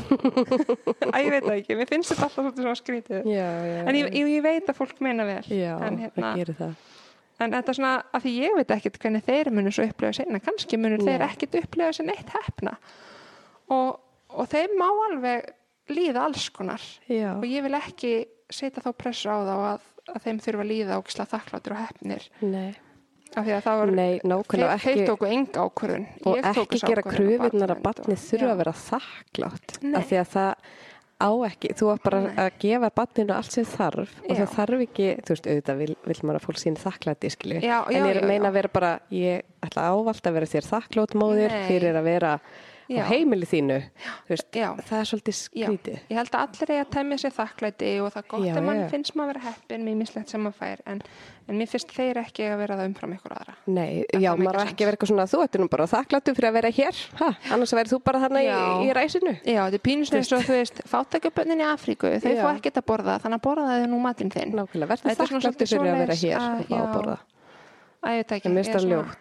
að að- og að ég vil líka bara að þeim líði þannig að ef að þeim líður ekkert vel með eitthvað sem að var, að Mhm. þeir geti það bara sagt það en ekki vera eitthvað að tippla á tánum og og reyna að vera þakkláttir Já, einmitt, þannig að hérna, ekki, þeim má alveg líða alls konar og Er eitthvað svona sem þú vilt segja lókum, eitthvað ráð eða eitthvað bara sem er dettur í hug?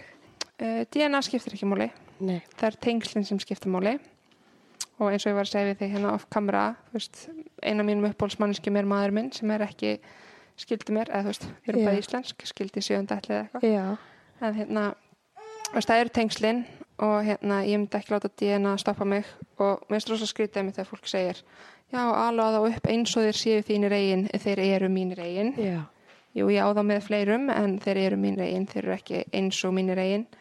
Og kannski ekki vera svona aðskilja, þú veist, nei eins og þú veist líffræðilegt og ætlitir og fóstur, eins og þessi eitthvað annað, þú veist, fyrir Já. mér er þetta bara allt. Þetta er bara börn Þetta er allt, Börnin. bara allt, já, börnin mín og hérna, og við erum bara búin að byggja tengsl og við erum bara fjölskylda Mhm. og ótrúlega ána með hvort annað og, og já, mér finnst óþægilegt þegar fólk er að sita börnin mín í ykkur flokka eins og þessi, Þetta er þitt eigið líffræðilega barn. Já, og að þú fættir hann í heiminn. En hinn er, að þú veist, það er ljótt að gera. Já. Ég verð svolítið reið að heyra Já, svona. mér finnst það svona, svona skrítið mm Mhm. ég, hérna, að því að ég er ekki þar en ég skil samt að fólk er mismandi og maður náttúrulega maður ætlir ekki bann eða tekur bann í fóstur eða þú veist já, vá, flottur söngur þeir já, nema maður sé viss um að þú veist Já, að maður sé þarna Já. maður þarf alveg að vera þarna, það er ekkit allir það en, hérna, en já ég bara bera virðingu fyrir öllu fjölskyldum. Já, og bara fjölskyldur eru alls Já, konar Það er alls konar. og hérna, og bara í dag að þá eru bara, já, rosalega margir sem eiga alls konar fjölskyldur þó þau sé ekki alls konar eins og okkar Mhm. fjölskylda að þá, hérna, já, Nákvæmlega. Ó, geggjað. Takk helga fyrir að koma til mín, elsku blóm. herðu, bara takk fyrir mig og okkur og Já. með hérna gólfið Já, ég bara er mjög spennt að fara teppalegja bara með blábyrjum. Takk fyrir mín kæra. takk bless